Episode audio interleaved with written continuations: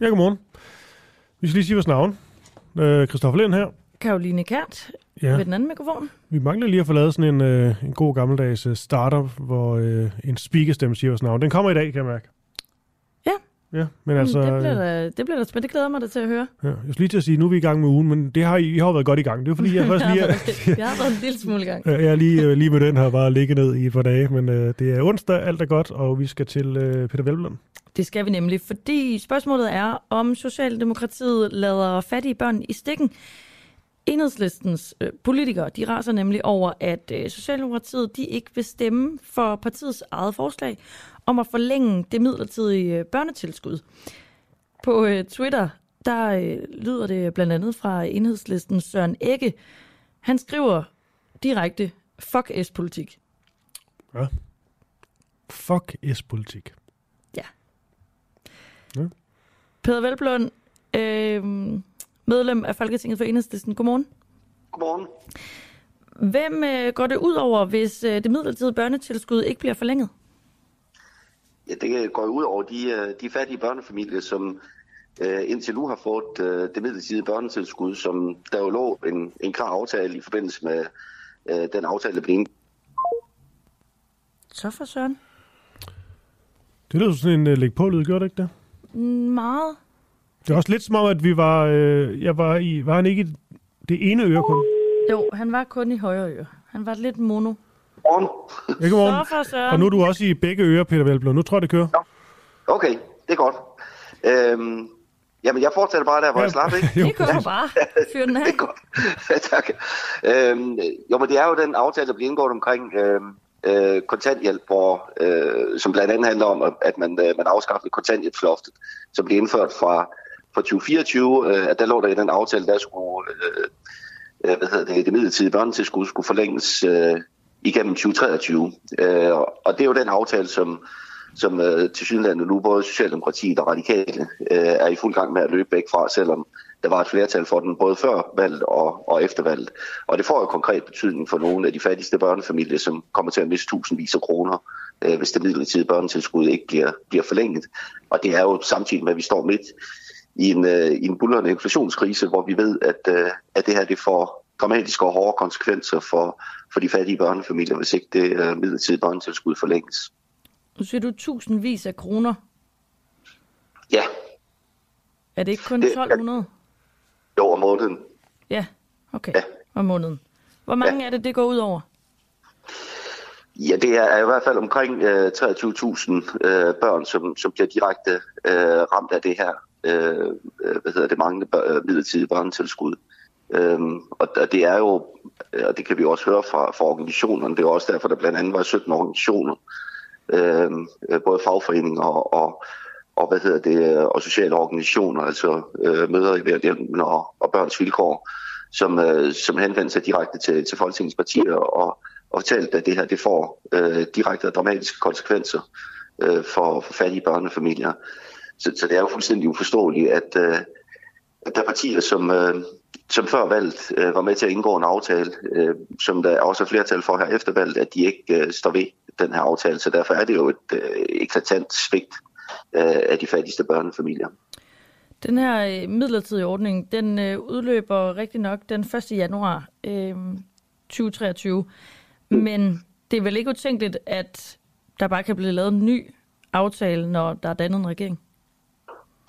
Nej, men der er jo indgået en aftale nu, øh, så jeg forstår ikke helt, hvorfor man så skulle øh, afvente og se, øh, om der så kunne laves en ny aftale. Altså det her, det kommer til at kaste nogle øh, børnefamilier ud i, øh, i en stor usikkerhed, øh, fordi altså hvorfor er der partier, som har indgået en aftale, hvor vi kan gøre det her, øh, som ikke nu vil stå ved den? Øh, hvorfor skulle man have en garanti for, at de øh, så efterfølgende vil lave en, en aftale, der sikrer det her?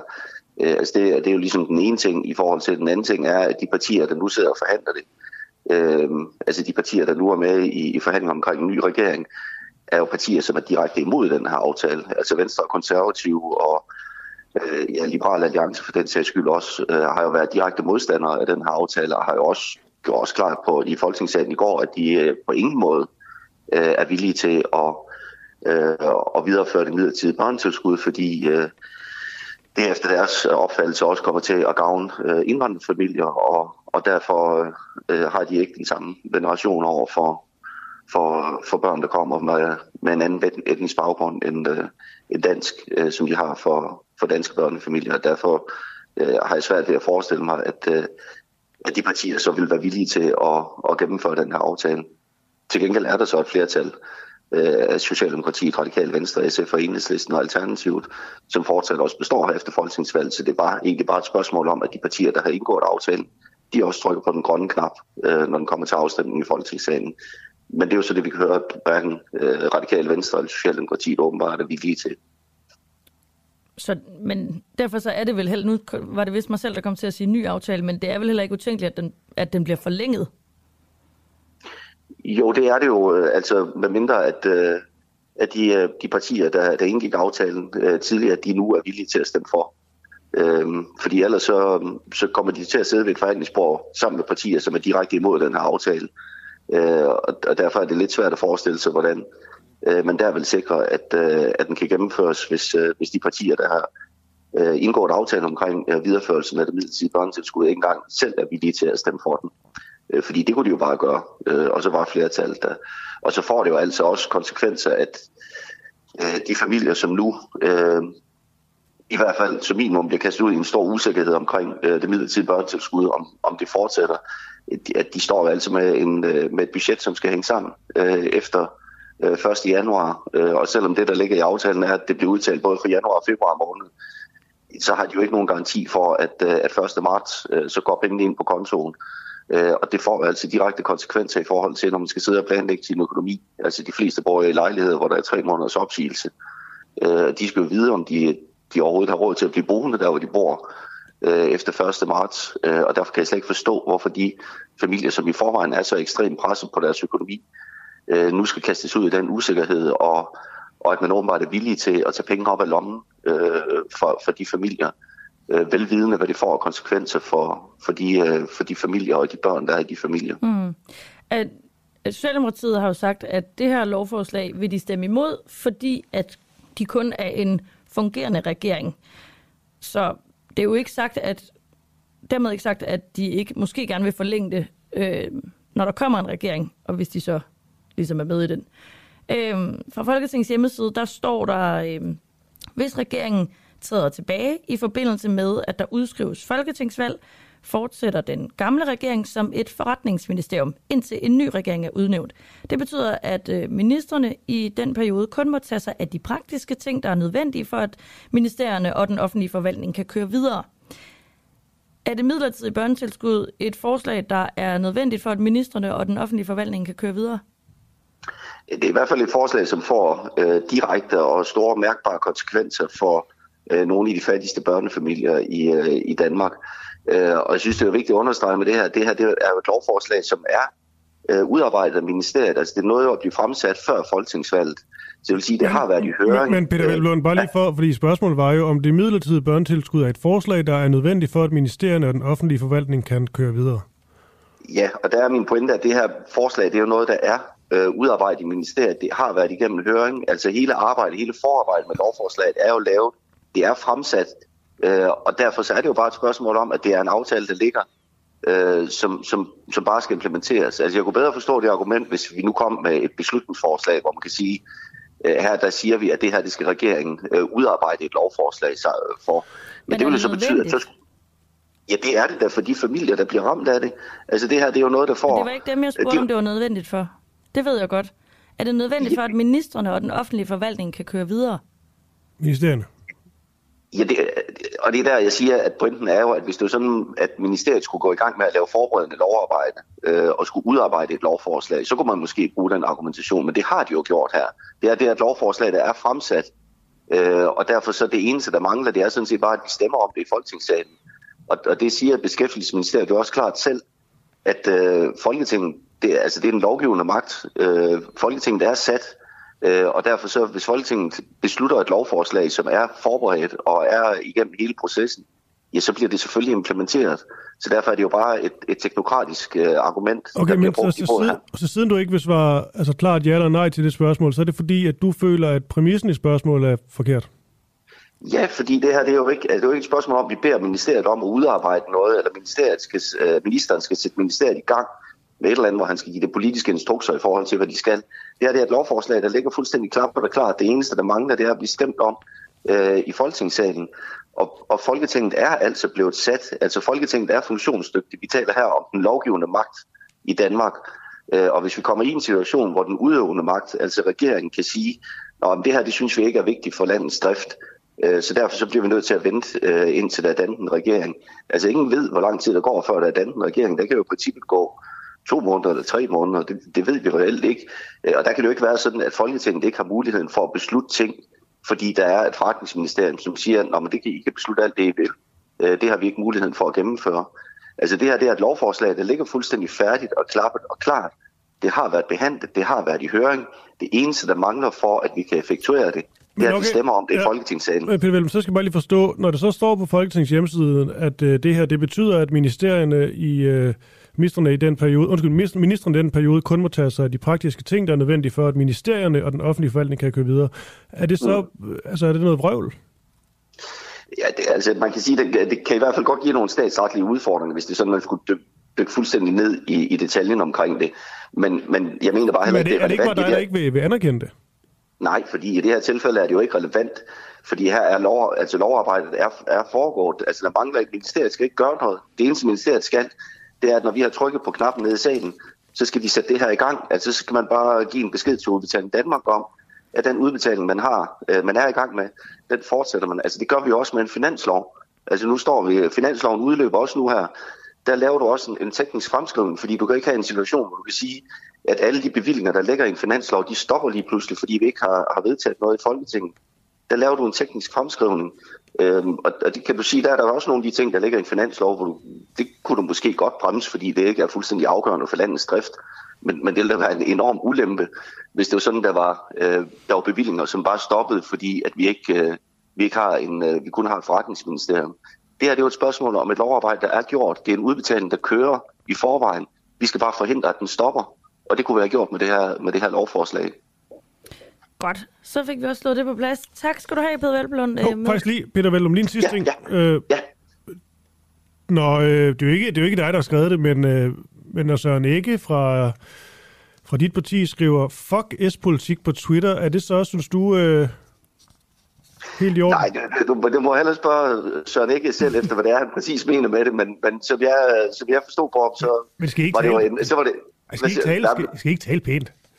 Ja. Jo, jo, det skal vi, og det, vi har, vi har snakket med Søren ikke om det. Han siger jo, at, øh, at han, han refererer til, til de demonstrationer, der er i, øh, i Kina, hvor folk går rundt og siger, øh, okay. fuck, fuck øh, regeringen dernede. Øh, og derfor så tror jeg, at han var blev lidt grebet af stemningen der. Okay, den tager vi med ham. Men, øh, er det så meget S-politik at gøre, har det det? Nej, det er det så Nikkes øh, bord. Det, den tager vi med ham. Peter, Peter ja, Velblom, øh, tak for det. Ja, velkommen. Det er godt. Hej, hej. Hej igen. Yes, således Peter Velblund, og så er vi i gang med dagens program. Klokken den er blevet 7, 13.40, sådan helt præcist. Fuldstændig, ja. Nu er det uh, Clara Vind, vi skal, vi skal ringe op til. Det er jo vores kollega. Det er vores gode kollega, ja. Gode kollega, Clara Vind. Og, øh, Der står et spørgsmål. Ja, det er simpelthen, hvorvidt øh, moderaterne de støtter op om en undersøgelse af Ahmed Samsam. Sagen, altså denne her danske agent, Ahmed øh, Samson, som, øh, som blev taget, øh, taget til fange, blev fængslet og menes at være IS, øh, have kæmpet for IS side, men så var han vist egentlig nok øh, hyret de danske efterretningstjenester. Det er i hvert fald det, han selv og sin øh, advokat vil, vil sige. Det er en, øh, en meget sparet sag, det her. Klarvind, hun ved rigtig meget om den, og øh, synes også, det er interessant at vide, hvad Moderaterne og øh, Lars Lykke, de, øh, de synes om denne her undersøgelse, som øh, jeg konservativt sagde ja til efter et pressemøde, hvor Clara Vind, hun øh, stjal billedet. Men klar, hvorfor er det vigtigt, det her, at øh, få at vide, hvad Moderaterne de synes? Godmorgen. Godmorgen. Jamen, øh, det er da vigtigt at vide, om der kommer til at være et flertal for en undersøgelse af en, en meget, meget vigtig sag. Altså nu, nu sad vi lige selv og nævne nogle ting øh, om sagen, men der er jo øh, en del beviser, der burde i hvert fald undersøges. Altså øh, hvis vi hører, hvad det er, Ahmed Samsom siger. Og i sidste uge, der var der jo en øh, tidligere øh, medarbejder af PET, der stillede sig frem og sagde, at hvis der kom en undersøgelse, så ville han altså gerne øh, fortælle nogle ting omkring den her sag om Ahmed Samsam. Øh, det er jo også vigtigt i forhold til øh, øh Moderaternes egen rolle. Altså nu ser vi Moderaterne, men det ved vi jo også bare godt er Lars Lykke, der jo sad som statsminister på det tidspunkt, hvor Ahmed Samsam han blev øh, fængslet i Syrien. Øh, altså det er jo også en del af hans ansvar, hvis det nu er, at der er øh, tegn på, at det er et justitsmord, eller der er nogen, der har kompromitteret hans retssikkerhed. Men øh, som vi jo før har sagt, så kan jeg jo afsløre i dag, at det ved vi stadig ikke, mm. fordi det har simpelthen været øh, umuligt at komme igennem til Lars Lykke. Jeg har også snakket med Jakob Engel Schmidt, der siger, at det skal du tale med Lars Lykke om. Jeg har snakket med deres pressetjeneste, øh, hvor der var en sød medarbejder, der gav mig ret i, at ja, det er måske ikke lige så svært at finde lykke, som man tror. Og så er jeg skrevet og ringe til lykke hver dag i noget tid nu. Øhm, men det, det er faktisk ikke kun moderaterne, jeg har været efter. Jeg har også prøvet øh, Venstre og øh, konservative i forhold til, om de fortsat bakker op om den her undersøgelse. Men jeg kan se her til morgen, at jeg er ikke den eneste, der har været øh, i tvivl om, hvorvidt øh, deres øh, ord holdt stik, fordi enhedslisten har jo kaldt, øh, eller ikke kaldt i øh, forretningsudvalgets øh, forretningsudvalget til forretningsordenen, vil de i dag prøve at stille forslaget om, øh, hvor meget øh, hvad kan man sige, opbakning der er til en undersøgelse, der både skal omfatte FE-sagen øh, og sagen om Ahmed Samsam. De vil simpelthen forsøge i dag at se, om de kan skabe et flertal, fordi de er nervøse for, øh, hvorvidt at det bare har været velspændt noget, man har gået og sagt under valgkampen, og så nu, hvor man skal til, og den regering ikke vil føre ud livet. Øh, og der står jeg selvfølgelig klar til at gribe alle dem, jeg kan, inden de kommer mm. ind i, øh, til mødet. Du har jo før, klar prøvet at få, øh, få Lars Lykke i uh, tale, også øh, så vidt jeg ved, direkte prøvet at stille ham nogle, nogle spørgsmål, du så ikke har fået, fået svar på. Altså, hvor meget ved vi om, hvad Lars Lykke han tænker om uh, Ahmed Samsam-sagen? Ved vi noget overhovedet? Øh, vi ved ikke noget overhovedet faktisk. Jeg, som du selv siger, fik jo fat i ham på valgaften, øh, hvor hans mand nægtede at overhovedet udtale sig. Så mødte jeg ham i går inden et øh, gruppebrødmøde inde på Christiansborg, øh, hvor at jeg ikke engang nåede at stille mig spørgsmål, fordi øh, jeg tror, der var mildt sagt dårlig stemning. Det er jo ikke, øh, fordi man som sådan hører, at det går så godt for Moderaterne for tiden, men øh, jeg fik ikke engang lov til at stille mit spørgsmål, før han flere gange havde sagt nej, og derefter smækkede døren i til gruppemødet. Men faktisk øh, noget andet, jeg også har prøvet at få svar på, noget, det du nævnte før, i forhold til det pressemøde, der var mm. den 19. oktober foran kastellet. Øh, jeg er godt klar over, at jeg tror, at de fleste husker, at det endte med at handle meget om Ahmed Samsam. Men hvis man spoler tilbage og ser på, hvad det egentlig var, Pape og Ellemann, de stod og sagde til det pressemøde, så sagde de jo, at de havde nogle meget vigtige øh, meget simple spørgsmål, som øh, er afgørende for, at man kan få ryddet op i de her sager, at der er brug for ro om tjenesterne, der skal genetableres tillid hos både allierede og partnere, og man skylder derefter øh, danskernes svar, og de kræver derfor, at inden danskerne går til valg, der vil de have svar på fire ret simple spørgsmål. Altså, det ligger jo i ordet, det ligger op, de kræver det. Altså, de har jo, dengang satte det jo alle som et krav, at man skulle have svar på de her fire spørgsmål. Spørgsmål, der jo handler om Trine Bramsen, øh, Lars Finsen og Mette Frederiksen. Og der har jeg simpelthen prøvet at få svar på, øh, hvorvidt de har fået svar på nogle af de her spørgsmål. Og så kan man jo spørge, hvad har de gjort for at få svar på dem? Og er det stadig et krav? Altså nu har de jo siddet med til regeringsforhandlingerne i lang tid. Mm. Hvis det er så vigtige spørgsmål, har de så haft dem med ind til Mette Frederiksen og prøvet at få svar på dem? Fordi ellers så kan man jo sidde og spekulere, om det bare har været øh, rent velspind, øh, som de har brugt den her alvorlige sag til. Ja, fordi man kan sige, at uh, Ahmed Samson-sagen kom så til at fylde efterfølgende, efter det her pressemøde, øh, og det gjorde det her... Øh, det lyder åndssvagt, men det her billede, hvor de står med solen lige øjnene, det var jo øh, dybest set det, der tog fokus, men det er rigtigt, det du siger. Der var jo en pointe med det her pressemøde, og de ville have klare svar på noget, og de, man indkalder jo til et sådan pressemøde, fordi at man virkelig mener det normalvis. Så øh, at få de her svar, det tænker jeg også er, er vigtigt, og det er vel bare noget, vi skal, altså, vi skal jagte, eller finde ud af, om de overhovedet har spurgt ind til det, det er rigtigt. Det er vel det, der altså, det handler om. Jeg har øh, simpelthen øh, prøvet at ringe op til de, øh, vi skulle ringe til i Venstre, altså Thomas Danielsen, øh, Sofie Løde, Lars Lilholdt, pressetjenesten. Jeg har næsten hver dag faktisk siddet og ringet op til de her personer. Sammen har jeg gjort med konservative. Øh, men det er simpelthen fuldstændig umuligt at, at komme igennem. Og det kan jo godt være, at man kan sige, at det er jo en tid, hvor de sidder i regeringsforhandlinger. Men de havde jo det her krav, inden at danskerne skulle gå til stemmeurne. De sagde, at det var ret simple spørgsmål så må de vel også kunne svare på nu, om de har fået svar på nogle af de spørgsmål, hvorvidt at det stadig er et krav, om det er nogen, de har haft med til regeringsforhandlingerne. Fordi ellers så kan man jo godt sidde og begynde at adskille de her tekster og sige, I vil gerne have genetableret tilliden hos efterretningstjenesterne, men I står på kastellet og tager en ret alvorlig sag op, og hvad er det en, der kommer ud af det? Mm. Og hvis I ikke tager dem med ind til regeringsforhandlingerne, er det så stadig et krav, og er det noget, I stadig er seriøse omkring? Det har simpelthen været umuligt at få svar på det spørgsmål. Men jeg står selvfølgelig foran mødet, øh, inden øh, de forskellige partier kommer ind i dag. Godt, Lara. Og øh, ja, herfra skal vi bare lyde et øh, held og lykke, og øh, vi ses inde på redaktionen. Det gør vi. Hej, hej. Tak. Og altså Clara Vind er det fulde navn. Klokken er blevet 7.21. Nu skal vi uh, tale om børns medieforbrug. Øh, og om det øh, forbrug det påvirker deres øh, holdninger og værdier. Altså børns.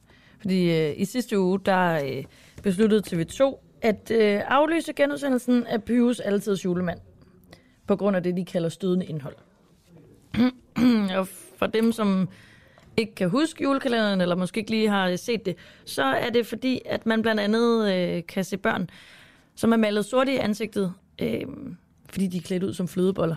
Ved du, der er noget underligt ved den... Det giver ikke rigtig mening. Men der er noget underligt ved den historie, ikke? Jo. Eller egentlig ikke. Jo, der er mange ting, der er underlige ved, historien, men lige ved selve klippet, det har jeg tænkt meget over.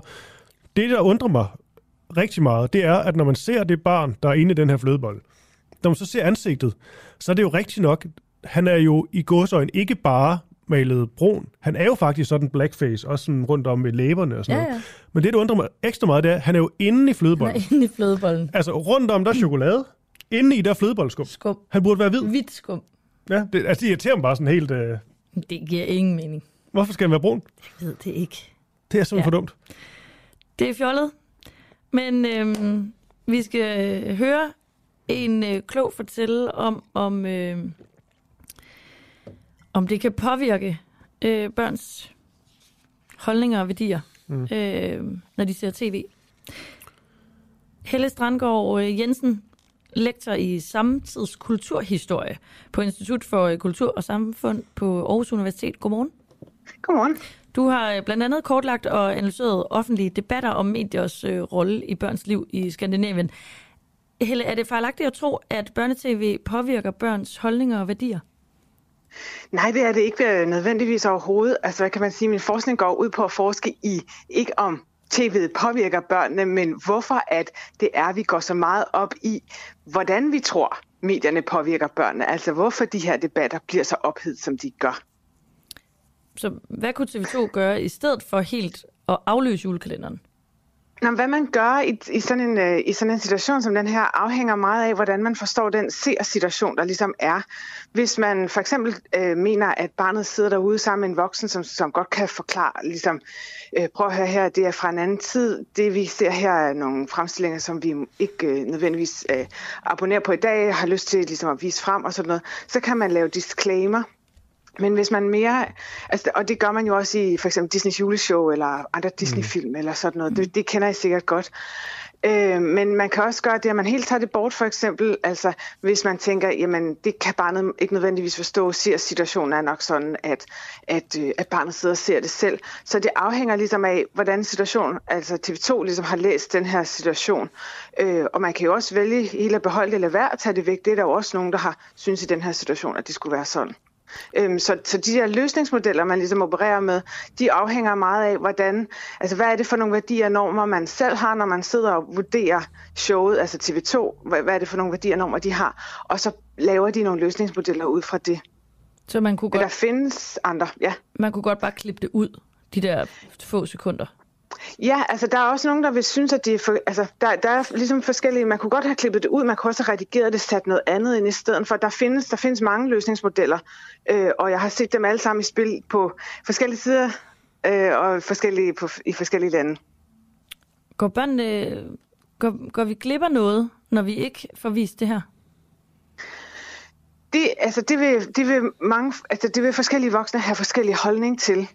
Øh, og det er også derfor, det, det gør debatten så, op, altså, så, så tilspidset. Øh, altså det, at nogle voksne vil ligesom synes, jamen øh, børnene, hvorfor skal de ikke have lov til at se den pyruskalender, jeg så? Jeg synes ikke, der er noget galt med den. Andre vil ligesom sige, selvfølgelig går børnene ikke glip af noget, de kunne bare se, de kunne se noget andet, øh, og det her er ikke tidsvarende. Så, så det kommer ind på, hvad for en holdning man har til, hvad for nogle, hvad for nogle moral, altså hvad for nogle værdier børn skal have, hvad for nogle kulturelle udtryk de skal se, og også hvad for nogle erfaringer de skal gøre sig, når de sidder foran tv'et.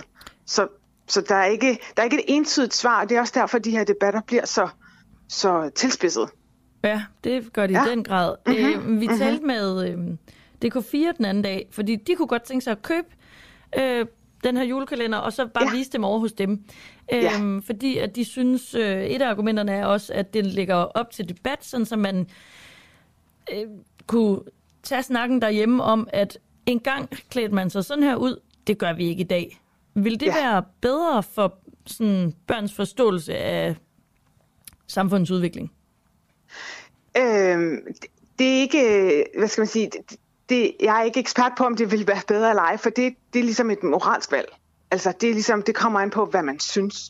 Men man kan sige, at, at øh, tager man den helt væk, så kommer, den, så kommer den mulighed ikke til at eksistere. Men spørgsmålet er også, om man kommer til at gøre mange børn ked af det, fordi de ikke har den mulighed for at sidde der, derhjemme og altså, eller man, man ligesom skal sige, at man fortsætter den her blackfacing-tradition, uden at ligesom, tage kritisk stilling til den, hvis barnet sidder derhjemme og ser det, uden at der er en forælder ved siden af. Og det kan jo have været en af, af vurderingerne i forhold til at tage det væk og ligesom sige, jamen, den ser situation, vi typisk ser med julekalender, det er, at børnene sidder og ser det selv. Og så er der ligesom mm. den kritiske debat forsvundet, ikke? Jo. Mm. Ja. Så sidder jeg så og tænker sådan, der er jo, man siger også bare sådan børn, Altså, der er jo virkelig stor forskel på, om man taler om en, en femårig eller en, øh, en tiårig øh, selvfølgelig.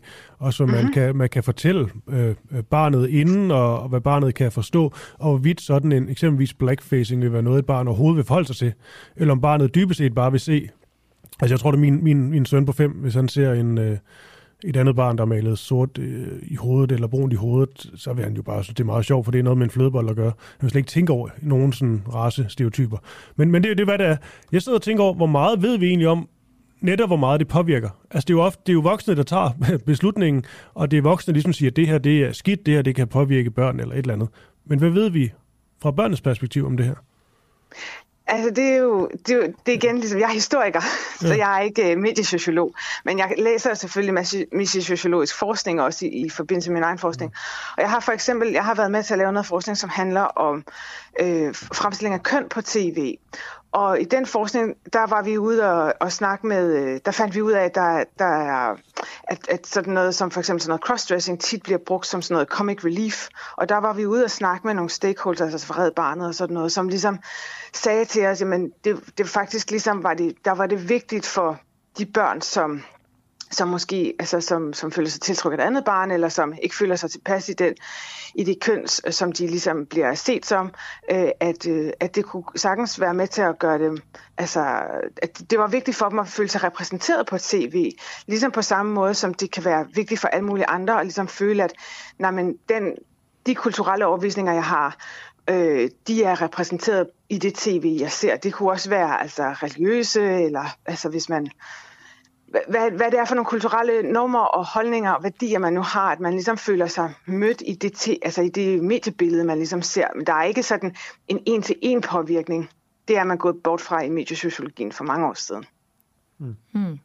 Kan man sige noget om, om børnene mister viden om både sådan, altså hvordan det har været, og hvordan det er nu samfundet, når TV2 går ud og aflyser sådan en julekalender? Jeg synes måske, at, at det væsentlige spørgsmål vil være at stille ligesom er, jamen, er det, er det i julekalenderen, at man skal have den viden? Altså, er det i julekalenderen, man skal konfronteres med, hvordan tidsspiller har været tidligere? Eller er det, hvis man synes, det er vigtigt, var det så ikke noget med at sætte det på, på altså på, på øh, sige, sige det, men det er noget, folkeskolen skal tage sig af, ligesom.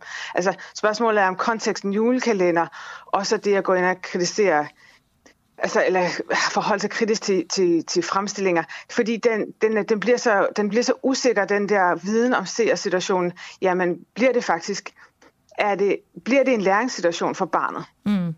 Ja, det, det er spørgsmålet, ikke? Og, det, og garanteret også det, som TV2 har taget stilling til, jamen det er sådan et, jamen sidder der faktisk, altså der, som, som din kollega også lige sagde, der er så langt spænd i det aldersspænd. Altså, hvad, hvad, hvis nu vi sætter en disclaimer ind, jamen hvor mange børn ser så faktisk den og ligesom tænker over det tidsbillede, som der er. Altså, har de de erfaringer? Kan de, kan de faktisk kritisk reflektere over det i den her situation?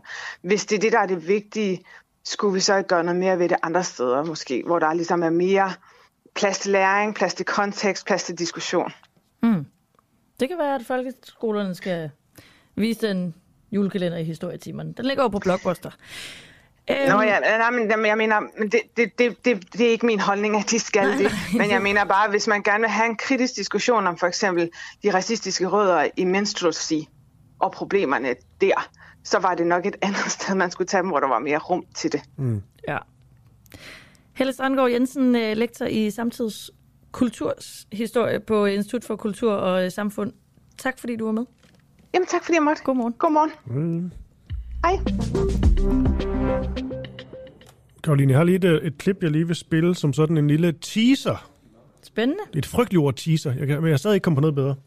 Nej, men det er jo fordi, det er det, det hedder. Det gør det. var da et dansk øh, pendant for os. Jeg går på ordnet med det samme. Vi skal tease, jeg hader det ord. Med det sagt, så lige om lidt taler vi øh, med Jens Rode, og det glæder mig rigtig meget til, ja. fordi han, han siger simpelthen, der sviger rygter om, at der er interne konflikter i uh, radikale venstre. Nu om en ting, det gik så godt for, for radikale. Du, du, du har noget? Øh, trailer, appetitvækker, lokkemad. Det kan jeg heller ikke sige. Nej. Nej. Jeg har en lille appetitvækker. Nå. Er det bare fordi, vi har jo det her tema med, øhm, om hvorvidt corona ligesom bliver den første og sidste samfundskritiske sygdom, og det er en lytter, der hedder Martin Reiter, der har bedt os om at undersøge en række spørgsmål om corona og begrebet samfundskritisk sygdom, og det er noget, der ligger mange af vores lyttere rigtig meget på, på sinde. Vi taler altså med Stinus Lindgren senere i dag. Han er øh, foranværende MF og sundhedsordfører i øh, Radikale Venstre, og jeg var jo ja, som sundhedsordfører ligesom øh, en del af de her politiske beslutninger, der blev taget den, den gang, og vi skal mm. stille ham nogle af de spørgsmål. Jeg synes lige, som man lige øh, kommer i stemning, så kan vi lige høre et klip med Christian Kandrup Holm, som dig og øh, Oliver Breum talte med i går. Var corona, altså sygdommen i sig selv, en samfundskritisk sygdom? Altså det kan vi jo i bagklogskabens ulidelige klarsyn sige, at det var den ikke. Hvorfor? Og det er meget let at konkludere. Øh, der var mange, der troede, der var det i starten, og sikkert også med god grund, især i starten af 2020, øh, hvor vi jo lukkede ned i, den, i frygten for, at hvis ikke vi gjorde det, så vil vores sundhedssystem kollapse, og en masse, masse, masse mennesker vil dø unødigt. Men hvis vi kigger mod øh, Sverige, som ikke lukkede ned, så er der ingen af de her to ting, øh, der skete. Deres sundhedssystem havde travlt, ja, sikkert også måske urimeligt travlt på nogle sygehuse i en kortere periode, men deres sundhedssystem var ikke i nærheden af at bryde sammen. Hvis man får skabt nok panik i befolkningen, så er det virkelig, virkelig, virkelig svært at tage det tilbage. Altså når man ser en, en biolog fra Danmarks største universitet stå og vaske dagligvarer i sit køkken, altså den, den panik og den angst, det, skrev, det skaber et samfund, det kan du ikke nærmest ikke sammenligne med noget. Øh, så det kunne man ligesom ikke rulle tilbage fra. Det, jeg tror, det er noget i den retning. Øhm, der, altså, der kan man sige, der var ikke noget øh, fagligt grundlag for det mere. Det tør jeg godt forstå. Okay. Så det her med at sige, okay, det var her bare lidt træls, men nu kommer vi igennem og så videre. Ah, den, den køber jeg altså ikke. Det her, det var ja, det var nærmest, det vil jeg sige, det største overgreb på mennesker i min generation, og jeg tror så lige, der går nogle år, inden at vi tør kigge ordentligt indad og få lavet en, en rimelig analyse af, hvad pokker der gik galt. Det er jo lidt svært at, at kigge indad, hvis man har været fanebærer for noget, der viser at være en katastrofe. Det er altså øh, markante udmeldinger her, og til dem, der har været skeptiske over for øh, coronahåndteringen øh, herhjemme og ja, vel i hele, i hele verden, der er det jo øh, lige, øh, der er det jo vand på deres mølle, det, det her, men øh, vi vil også have flere stemmer på, så det bliver spændende at høre, hvad Stinus Lindgren han siger, fra, for han sad jo netop med øh, nogle af beslutningerne, om han er enig i det her, som man siger, Christian Kanstrup Holm. For man kan jo også sige om Sverige, at, at så vidt jeg lige øh, ved, så dør der jo plus 20.000 Mm. Jeg tror, det er 21-22.000 i Sverige, hvor vi cirka er på 7.000 øh, herhjemme. Sverige er så et større land, men det er noget med, at det egentlig lidt udligner sig, fordi at, øh, at vi bor tættere her i, øh, i Danmark end i Sverige. Øhm, så på den måde er der jo også bare flere dødsfald øh, knyttet til Sverige, den måde, de, de gjorde det på, og det har vel også en vis øh, betydning. Ja, helt sikkert. Altså, jeg er jo ikke ekspert, men det siger bare, det, kan, ja. det, det, det bemærker jeg bare, at man også kan... Det kan så spørge Stinus om, hvad han, øh, hvad han tænker om det. Det er i hvert fald et, øh, et spændende emne, og noget, som øh, I går op i derude. Nå. Jens Rode, godmorgen. Godmorgen. Du er forhenværende folketingsmedlem, og øh, vi har nu gjort dig til politisk kommentator her på Den Uafhængige, og øh, du har allerede fået mange fans, Jens, faktisk. Jamen, det er da dejligt. Dem er jeg ikke vant til at have, når jeg er politiker. Nej, jeg, jeg, jeg overvejede faktisk på tidspunkt at sende et screenshot af begejstrede lyttere, og mange af dem skal lige siges, at det var folk, som øh, før ikke var så begejstrede for dig, så nu har fået et, øh, andet, et nyt syn på dig, hvor de synes, det, var, det, det er befriende at høre dig i den her rolle. Nå, jamen, det er jo, øh, ja. det er jo en god start på morgenen. Det er det. Der er sikkert også nogen, der stadig synes, du, der er sikkert også nogen, der stadig synes, du er frygtelig, når du er i vores radio. Men altså, sådan er det jo. Det er du vant til, Jens Rød. Men øhm, der er i hvert fald meget ros til dig. Det, det skal man jo være i nogens øre, ellers så er man jo ingenting. Jeg tror også, der er mange, der synes, den uafhængige er frygtelig. Det er rigtigt. Ikke mindst de, ikke mindst de politikere, der er svært ved at komme udenom de nærgående spørgsmål. og især de konservative, de kan virkelig ikke lide at så bemærket. Nå, med alt det snak. Det skal handle om, øh, om radikale venstre. Ifølge dig, så øh, sviger der rygter om interne konflikter i netop radikale venstre, og at den nye partileder Martin Lidegaard allerede har svært ved at holde styr på tropperne i øh, Folketingsgruppen. Og det er selvfølgelig ret problematisk, når der er de her regeringsforhandlinger i gang. Som sagt, så det her jo rygter. Det skal jeg jo lige sætte to fede streger under. Hvor har du de rygter fra, Jens Rode? Ja, men jeg tror lige, at øh, det, det er faktisk ikke... Det, det, det, der, mm. det, der er essensen, det er, at der er partier, der sidder i regeringsforhandlingerne, der nu arbejder på at radikale venstre ikke skal være med i regeringen, fordi man stoler ikke på, at Martin Lidegaard har styr på sin folketingsgruppe. Mm. Øh, og det kommer så jo blandt andet af det, der sådan på en eller anden måde blev ikonisk, og et pressemøde, som jeg tror, de fleste altid vil huske, nemlig da Martin Lidegaard bliver leder af Radikale Venstre, og man får den der håndsoprækning, hvor det i flere af de andre partiers ledelser tolkes som om, at her blev Martin Lidegaard banket på plads, da han forsøgte at lave en pragmatisk, retorisk landingsbane i forhold til Rwanda-spørgsmålet. Mm. At han der bliver afbrudt af Samia Nava og også til dels sat på plads, som tolkes det, af Senja Stampe, som de fleste opfatter som en hardliner, på udlændingespørgsmålet, at det viser, at han ikke har styr på sin folketingsgruppe, og derfor vil man ikke have ham med i regeringen. Okay, det er der partier, så, så, ja. der forsøger at forhindre ham i at få, øh, at få, øh, at få adgang. Og dermed kan vi jo komme hen i en helt ny, mm. eller i en, i en situation, hvor man, tag, man bruger altid udtrykket, at vi skal have en regering hen over midten. Vi vil jo så sandsynligvis nu få, hvis det lykkes med det Frederiksen, at lave en bred regering, og det ved vi jo absolut intet om, fordi det er, der er virkelig lang vej igen, og jeg tror heller ikke, at nogen af forhandlerne reelt ved, om det er det, der bliver til noget. Nu har vi jo set fagbevægelsen her til morgen være ude og blande sig i spørgsmål om skat, og det kan mudre det hele.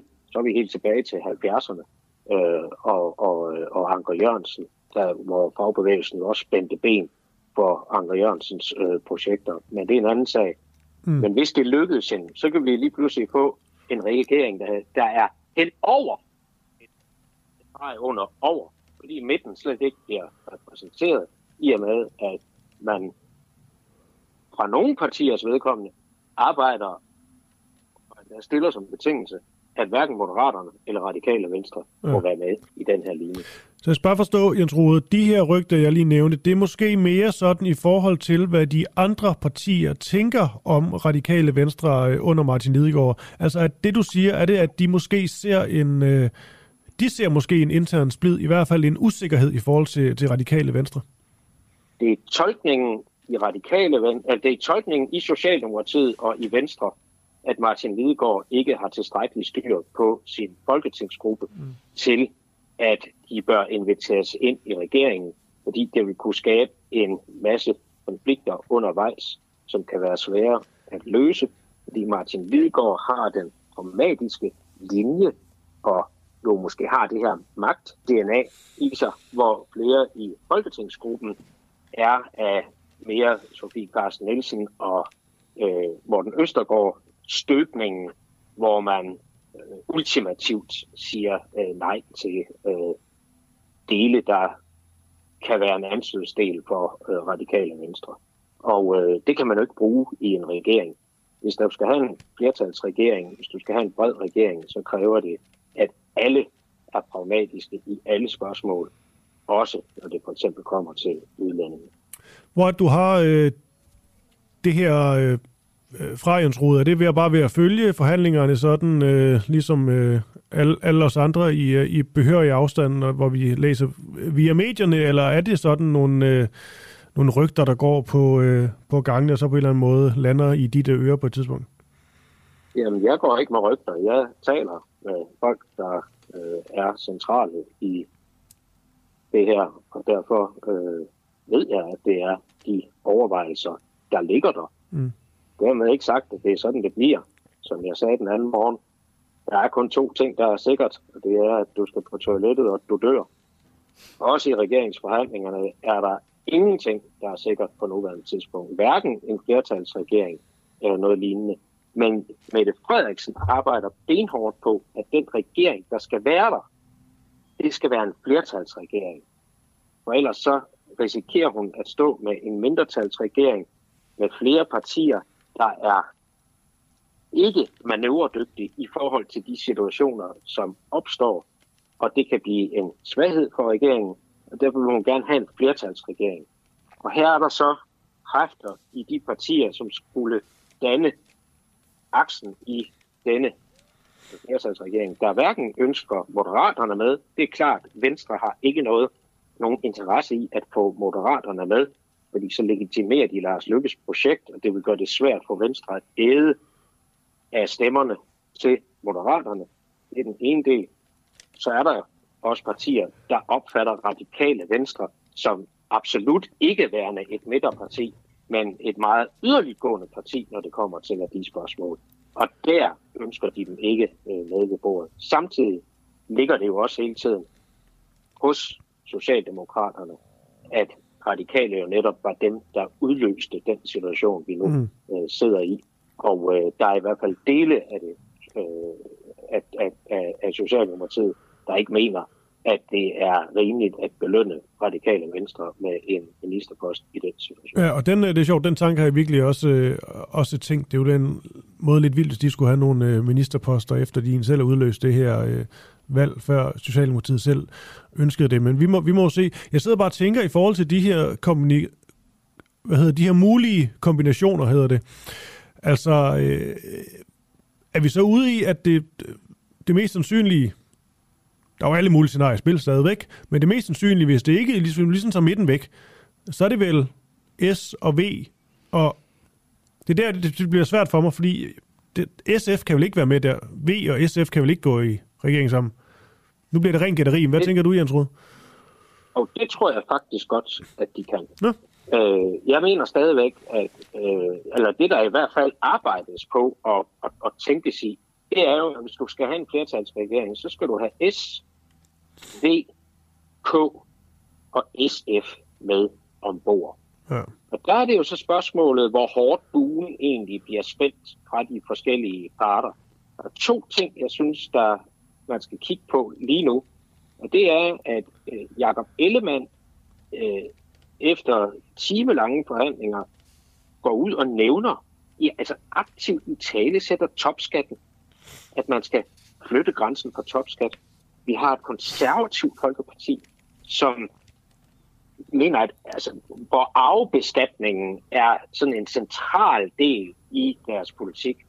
Så har du SF på den anden side, hvor hele DNA'et jo netop er, at topskat, at rykke på den, og afbeskatning, det er i den grad ulighedsskabende initiativer, som de får svært ved at sluge. Men hvis de skal sluge noget, hvad er det så, de skal have? Ja, der har Pia Olsen Dyr jo sagt, at øh, hun går efter at få noget på børnene, og at der skal være, øh, man skal afskaffe børnefattigdom, og deres trivsel skal, skal op. Men hun har ikke afvist endnu topskattelettelserne. Men nu kommer så fagbevægelsen og sætter ind i det her spørgsmål, efter at øh, Jacob Ellemann har været ude at i tale sætte det offentligt.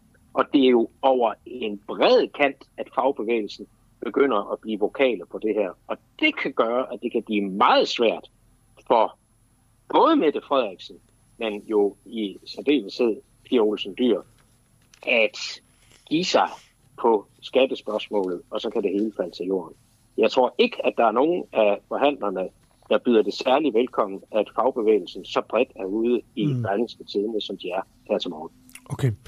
Det er, det er spændende, Jens Rode, og også tak for det her indblik i, hvad der bliver, øh, bliver talt om i forhold til, øh, til radikale venstre, hvilket kan være ret så afgørende for de her regeringsforhandlinger, må man nok sige. Jeg tror det var det, Jens Rode, for, for denne gang, og så må du have en god dag. Tak for det. Ha' en, ha en fantastisk dag. I måde, hej.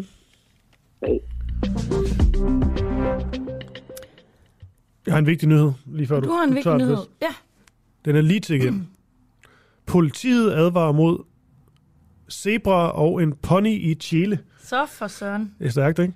Midt- og Vestjyllands politi advarer trafikanterne på Viborg i, øh, Viborgvej i Chile om løse zebra og en pony i området. Ejeren forsøger at indfange dyrene, oplyser politiet. Nå, Det er jo egentlig ikke sjovt, hvis det går galt, men det håber det ikke, det gør. Men tanken om, at, øh, at der på Viborgvej lige nu kan være løse han er, zebraer, han er zebra rundt. det er sindssygt, altså, sindssygt komme kørende der. Der står der en zebra. Så står der en zebra. Jeg vil være meget i tvivl, om jeg var stået op, eller stået, Ja. ja. stået og drømt. Nå, men jeg har en lidt anden nyhed. Ja.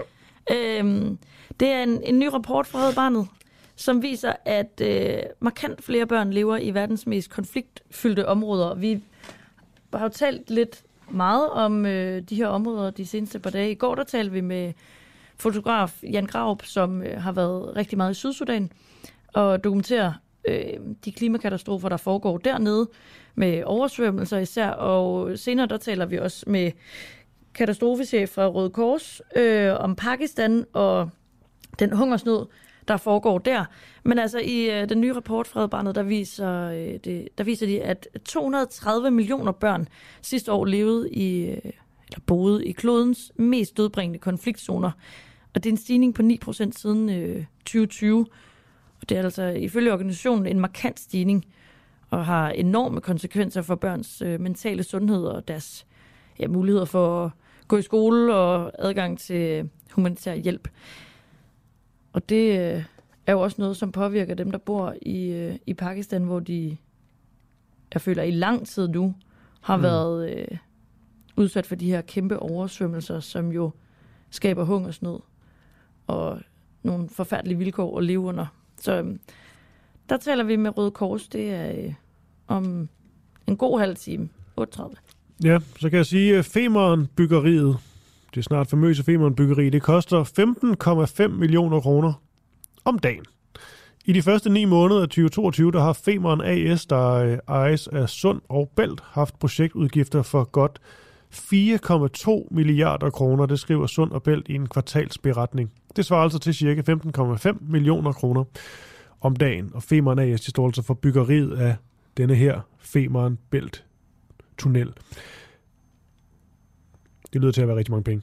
Det er, det er rimelig meget. Så står der her, at øh, enhedslisten vil have, måske ikke så overraskende, men øh, nu står det der sort på hvidt, at enhedslisten vil have indledt undersøgelse af FE-sag. Enhedslisten vil onsdag stille et forslag i Folketingets udvalg til forretningsorden om at sætte gang i arbejdet med at lave et kommissorium for en undersøgelse af sagen om Forsvarets efterretningstjeneste FE. Det skriver DR. Nyheder. Ja, jeg tror også, at uh, Clara Vind, hun nævnte noget om det Ja. ja. tidligere, da vi hørte fra hende om hele øh, den her Ahmed, Ahmed Samsam-sag. Hvor vi så bare stadigvæk mangler at få moderaterne i tale. Ja, de vil ikke sige noget til hende. De vil faktisk slet ikke tage telefonen. Nej. Nå, nu skal vi til, øh, til det store udland og til øh, Jakob, øh, Jakob Korsbro.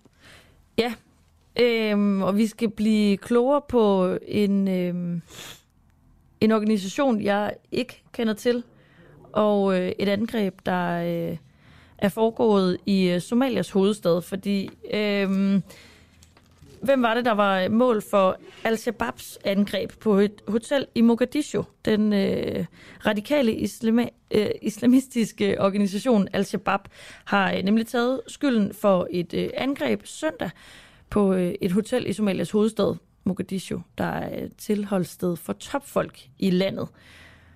Jakob Korsbo, øh, tidligere chef i Forsvarets efterretningstjeneste. Godmorgen. Godmorgen, godmorgen. Kan du ikke lige først øh, fortælle, hvem Al-Shabaab er? Om Al-Shabaab er det, jeg vil kalde en meget sejlivet øh, terrororganisation, som er forbind, forbundet med øh, Al-Qaida. Det øh, udsprang af sådan en, hvad kan man sige, national islamistisk øh, oprørsbevægelse. Øh, nogle af lytterne kan måske huske, der var noget, der hed de islamiske domstole en gang, som øh, egentlig kontrollerede Somalia. Og dem smed etioperne ud øh, på et tidspunkt og invaderede landet, og så opstod Al-Shabaab, som var sådan en ungdomsorganisation under de islamiske øh, domstol. Og så er det så siden blevet tilholdssted for, hvad kan man sige, diverse ekstremister og al-Qaida øh, øh, forbundne øh, personer. Og øh, der har kørt, hvad kan man sige, talrige amerikanske dronekampagner øh, og den slags øh, hen over årene. Øh, men øh, Al-Shabaab øh, er der stadig. Øh, de har kontrolleret Mogadishu også, og, og stort set hele den centrale og sydlige del af Somalia på et tidspunkt. Og, øh, og så var der så en keniansk øh, ledet øh, invasion, øh, som så blev til en FN-styrke, AMISOM, hvor, hvor primært Kenya og Uganda øh, stiller soldater til rådighed. Hvor stor, øh, hvor stor er den her gruppe eller organisation? Ja, det altså det kommer an på, om man tæller, øh, hvad kan man sige, hardcore øh, terrorister, der ønsker at ramme mål øh, i, øh, i Vesten øh, eller, eller øh, i resten af Afrika, eller om man tæller dem, som egentlig er sådan national islamistiske øh, og egentlig bare ønsker, at, øh, at øh, Somalia bliver styret efter, hvad kan mm. man sige, måden de tolker Koranen på, ikke? Øh, så, så, så hvis du tæller alle med, ikke, så, så er det jo en stor bevægelse, og det går lidt op og ned, og så vinder øh, centralregeringen kontrol over nogle områder og får omvendt nogle af de her klaner, og, og så er der igen andre klaner, som tilslutter sig øh, Al-Shabaab. Så det, det kører sådan lidt øh, frem og tilbage, og det har det jo gjort i, øh, i, øh, i rigtig mange år. ikke? Vi taler jo øh, ja, snart 20 år. Ja, okay, men de, øh, de er spredt godt ud, og i søndags, der, øh, der tog de så skylden for et angreb på et hotel. Hvem var det, de ville dræbe på det her hotel i Mogadishu? Men altså, det, det er sandsynligvis øh, nogle af, af de her parlamentarikere, øh, der, er, der er blevet valgt og som, øh, som bor på hotellet. Det ligger i sådan en, en beskyttet zone øh, tæt på parlamentet og, og regeringsbygningerne øh, i, øh, i den centrale del af Mogadishu. Og, øh, og, og det har været mål for angreb før. Øh, der har været de her øh, hotelangreb øh, hen over årene. En af de første gange, øh, hvor, hvor der var et voldsomt, voldsomt øh, selvmordsangreb i Somalia på et hotel, var det faktisk en, øh, en øh, dansk somalier, der, der sprang sig selv i luften øh, dernede. Ikke? Så det er, det har, det har været øh, en, en kendt modus øh, for, for angreb øh, gennem, øh, gennem alle årene. Er, øh, er Al-Shabaab en reel trussel mod den somaliske regering? Ja, det er, det er de, og det, det, det har de været, og, og, og man kan sige, uh, Donald Trump uh, nedlagde jo, uh, hvad kan man sige, den amerikanske træningsmission i, uh, i Somalia. Det var der, han kørte sådan en militær træningsmission i, mm. igennem mange år. Og, uh, og den har Joe Biden så uh, genoptaget. Uh, og, øh, og det er simpelthen for at holde, øh, holde centralregeringen øh, ved, øh, ved magten. Og, øh, og det, det kan man sige, der, der er simpelthen behov for, for mere støtte til, øh, til centralregeringen, og til at centralregeringen kan, kan opbygge øh, hvad kan man sige, sin egen øh, sikkerhedsstyrkekapacitet. Øh, og det, det kan ikke stå selv øh, endnu. Øh, det er jo sådan, hvad kan man sige, øh, Afghanistan med et andet, bare, det ligger bare et andet sted, ikke? Altså, det er lige så svagt øh, centralt styret og, øh, og lige så sårbart så, så på den måde vil der være behov for, for, for støtte øh, mange år frem. Så der er en reel risiko for, at de tager over, hvis, hvis de ikke bliver støttet af USA? Ja, altså det kan man sige. Øh, en af de rigtig stærke militære magter i området, Etiopien, gik jo ud og hurtigt fjernede de islamiske domstole tilbage i tiden. Og, øh, og, og, og der troede man, at det, det har de styr på. Den her øh, terrororganisation, de er ved at bygge op, det bliver ikke til noget. Det kan etioperne godt klare. Det kunne de overhovedet ikke. Øh, og, øh, og, og blev så sparket ud igen øh, efter no, et par år. Og, øh, og det samme ville ske igen, hvis ikke, øh, hvis ikke der var der var vestlig støtte til, øh, til Amisom og, og til at, at holde de her øh, FN-soldater øh, i, i landet for bare at holde nogenlunde styr på det. Hvad vil det få konsekvenser dernede, hvis, hvis de overtog fra den somaliske regering? Jamen altså, det har jo været et øh, fristed for, for øh, hvad kan man sige, vestlige øh, ekstremister, øh, der rejste dertil. Mm. Også øh, danske ekstremister, der rejste til øh, Somalia. Og, øh, og det kan man sige, det er jo faren ved at, at, at lade Al-Shabaab og den type organisationer overtage magten i de her lande. Det er, at det bliver rejsemål for, for folk, der, der vil for eksempel Danmark noget, noget ondt. Og det, det, det er sket før, øh, og det ville som også, øh, også ske igen, hvis, øh, hvis de fik øh, frit spil. Og det var jo, øh, da de kontrollerede den, den centrale og sydlige del af Somalia, vi så, vi så meget af det. Mm. Det virker lidt til, øh, Jakob Korsbo, øh, at nogle af de her radikale øh, islamistiske organisationer, nu, nu taler man, eller celler, hvad nu skal kalde dem, øh, her med Al-Shabaab, jeg sad og tænkte på, øh, på Boko Haram, altså, at de på en eller anden måde trives i, øh, i Afrika, og der er mange af dem, og de er ret så voldsomme. Jeg ved ikke, om det er en, øh, en fordom, eller er der noget om, om snakken? Altså, er Afrika sådan et... et der er absolut noget om ja. snakken. der er absolut noget om snakken. Altså, det, det er jo uhørt brutalt. Ja. Øh, man kan sige, i gamle dage, der ville øh, al-Qaida faktisk ikke øh, lege med al-Shabaab og optage dem i organisationen, fordi de var for brutale og for uregerlige. Øh, Al-Qaida ville kun lege med dem, der var, der var styr på. Øh, men øh, men øh, da så nøden øh, begyndte at presse øh, Al-Qaida, så fik øh, pipen en anden lyd, og så optog de Al-Shabaab. Og, øh, og det, det, nu nævner du selv Boko Haram, og, og der er jo også en fremvækst af grupper, der er affilieret med øh, islamisk stat, og de findes også i, i Somalia i lidt mindre omfang. Men jeg tror, altså, det, min vurdering er, at grunden til, at Al-Shabaab ikke er blevet udkonkurreret af, af islamisk stat i, i Somalia, det er fordi, den har den udspringer fra de islamiske domstole og, øh, og, og er på den måde en meget somalisk organisation, mere end, øh, mere en islamisk stat. Øh, og der kan man nu se, at islamisk stat vinder frem i, øh, i Vestafrika, øh, i Mali, i, øh, i Burkina Faso og, og derovre, øh, og, og også i Nigeria omkring Boko Haram, ikke? Så, mm. som jo er splittet. Men, øh, men, er det, men er der det også, har absolut været en fremvækst. Men er det også nemmere for øh, nogle af de her øh, grupperinger ligesom at, at trives i nogle af de her øh, afrikanske lande? Altså kan de på en eller anden måde tilrende sig altså mere magt end så mange andre steder i verden?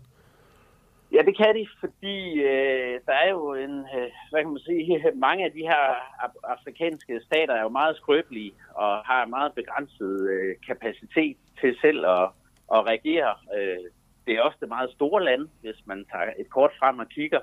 Og, øh, og, og man kan sige, øh, alle de her øh, steder i Afrika, områder i Afrika, hvor der ikke er sådan, øh, øh, hvad kan man sige, skarpslæbende statsstrukturer og sikkerhedsstyrker og den slags, jamen det er der, de trives, øh, og det er der, vi vil se dem vokse frem øh, fremover også. Så, så jeg vil absolut sige, at øh, Afrika er et af de steder, hvor, hvor vi vil se fremover, at øh, de her øh, ekstreme grupper, de, øh, de vinder frem. Okay, Jacob Karsbo. Korsbo, hvad siger Karsbo? Korsbo, øh, tak for det. Så kan jeg lige sige på forfalderæbet, nu var jeg ikke udtalt dit, øh, dit navn. Du har jo en, øh, du har en bog ude, man kan købe. Nu laver vi lige noget skam, skamløs reklame. Det synes vi er okay, fordi vi jo også benytter dig øh, så meget her. Den hedder I statens hemmelige tjeneste, mine 15 år i FE. Og det vil bare... Og, og der er faktisk også lidt om Somalia. Ja, og det vil bare at finde den i en boghandel nær dig, og så er der julegave til, til alle. Nå, nu stopper jeg det her reklameshow. Tak for det, Jacob. Ja, have en god dag. God måde. Ja. Jamen altså, Ja, ja. han er altid med. Han er jo med øh, fri vilje. Og altid god. Han er altid god. Ja, Jeg tror også, hans bog er god, faktisk. det er Jeg har ikke faktisk læst en side i den, så på den måde det er det en underlig reklame, jeg laver lige nu. Ja. Men øh, Men er det ikke altid lidt spændende med... det er jo altid øh, lidt spændende. Med, med nogen, som er, som er lidt spionagtige. Mine 15 år i FE, det er nok til mig. Rigeligt. Det vil jeg gerne høre om. Det er mere, end vi har været der. Ja, det er 15 år mere end. Præcis. Lige præcis. Og med det, så bliver klokken altså 8. Nu skal vi tale med Julie Stage, som er øh, advokat. Spørgsmålet er, eller det spørgsmål, vi stiller nu, det er, hvorvidt øh, samtykkeloven den er skyld i falske anklager om voldtægt. Advokat Julie Stage her, hun skriver i Berlinske, at bekymrende mange anklages for voldtægt på et falsk grundlag. Godmorgen, Julie. Ja, godmorgen. Lad os bare øh, kaste os øh, ud i det sådan, og måske prøve at være lidt øh, konkrete. Kan du sige noget om, hvor mange, enten sådan i antal eller i procenttal, der bliver anklaget for, for voldtægt på, øh, på falsk grundlag? Øhm, ja, altså, øh, der er flere studier, øh, hvor man har undersøgt det, øh, og hvis man skal være øh, konservativ, øh, så øh, ligger tallet på omkring 7 procent. Øh, det er baseret på en undersøgelse fra øh, 2000, 2001 og, og 2002. Og så har man en fra 2007, hvor tallet det er noget højere, hvor man faktisk ligger helt op på øh, 21 procent. Og nu nævnte jeg øh, samtykkeloven her i, øh, i oplægget. Ja.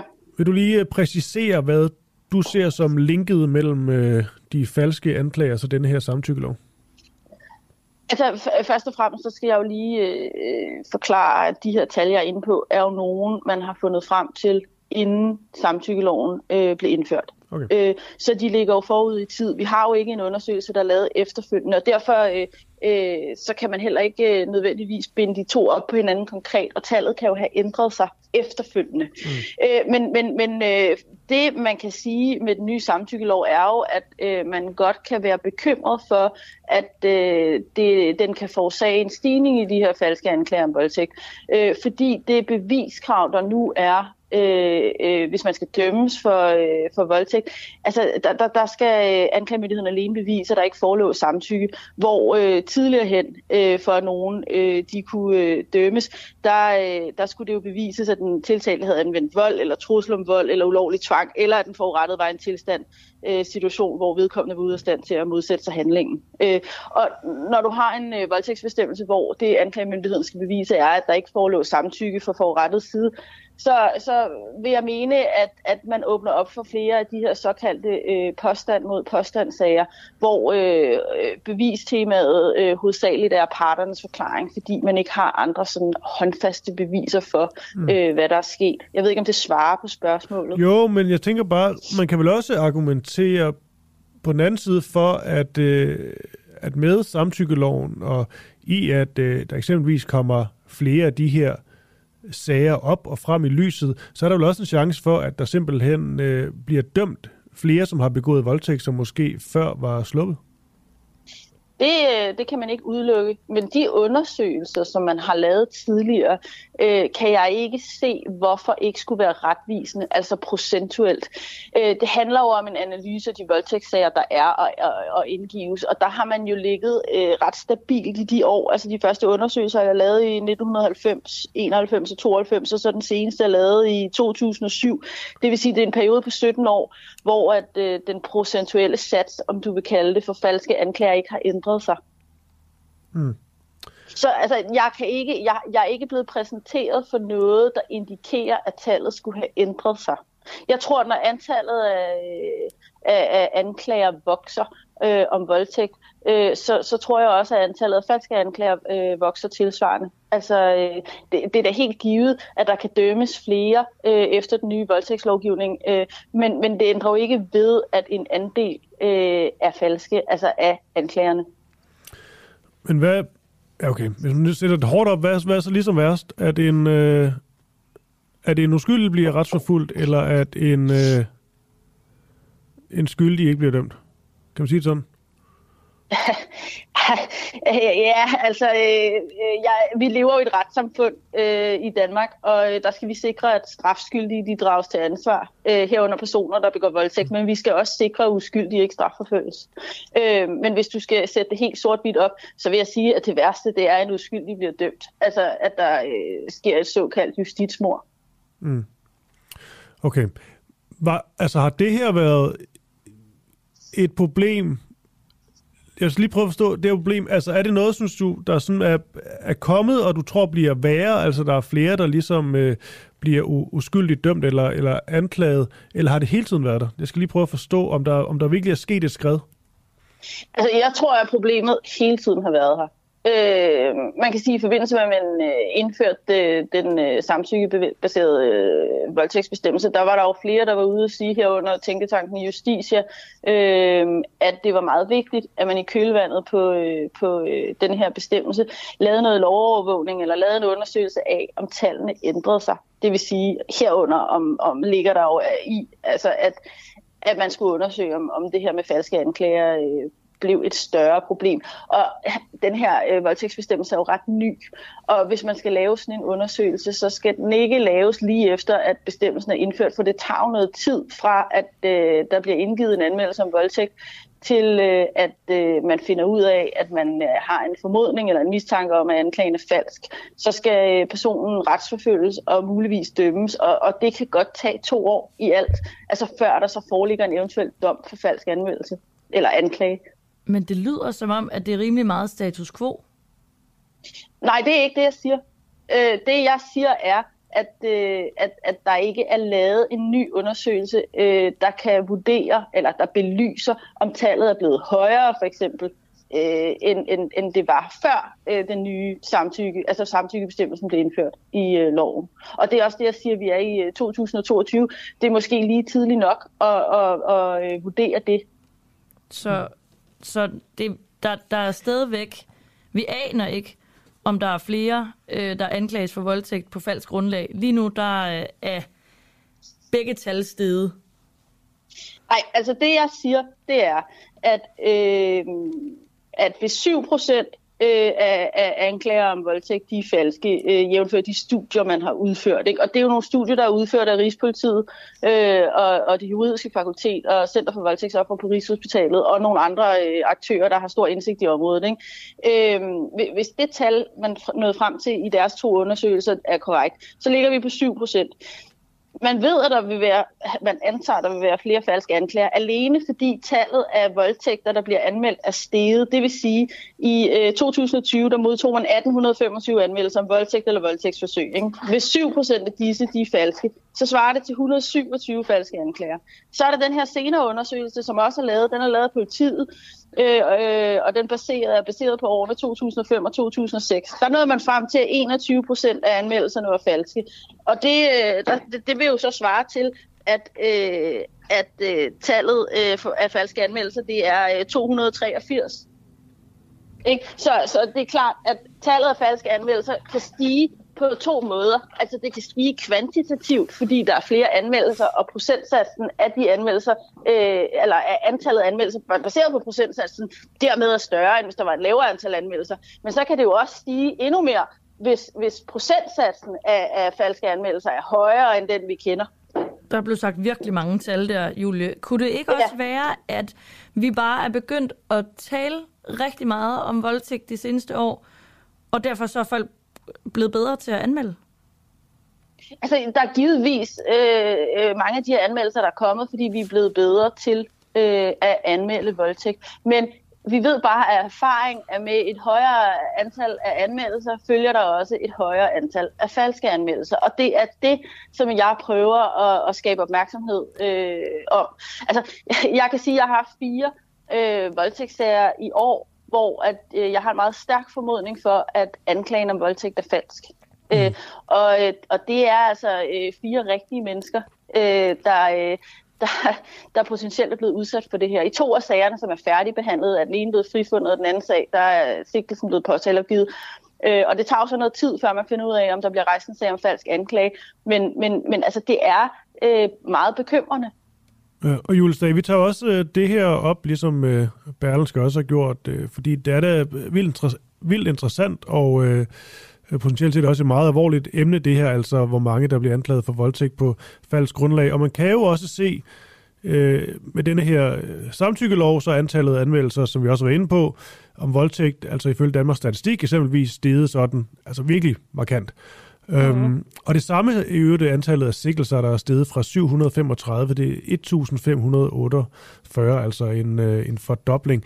Det er, jo, øh, det er jo bare nogle markante tal, men spørgsmålet bliver ved med at hænge i luften i, hvorvidt at, at ja, det giver jo god mening, at, øh, at når der er langt flere øh, sigtelser, øh, men også bare anmeldelser, at så vil der være flere falske anklager. Men samtidig vil der vel formentlig også være flere voldtægtsforbrydere, som faktisk øh, bliver dømt. Det er vel der, den store...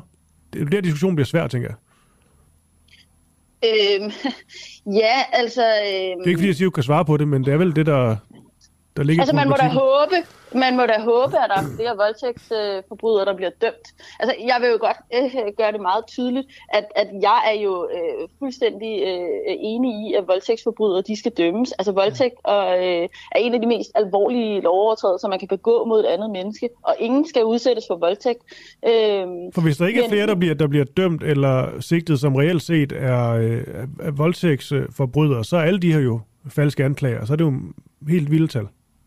Altså, der er slet ikke nogen, der siger, at, og det er slet ikke det, jeg har sagt heller, at, at den her stigning øh, udgøres af, af, af falske anmeldelser, altså i det hele. Det, det tror jeg ikke. Det siger er, at man må formode, baseret på den forskning, man har på området, øh, mm. som er meget omfattende, at mellem øh, 7 og 21 procent af de øh, anklager, der bliver øh, fremsat, er falske.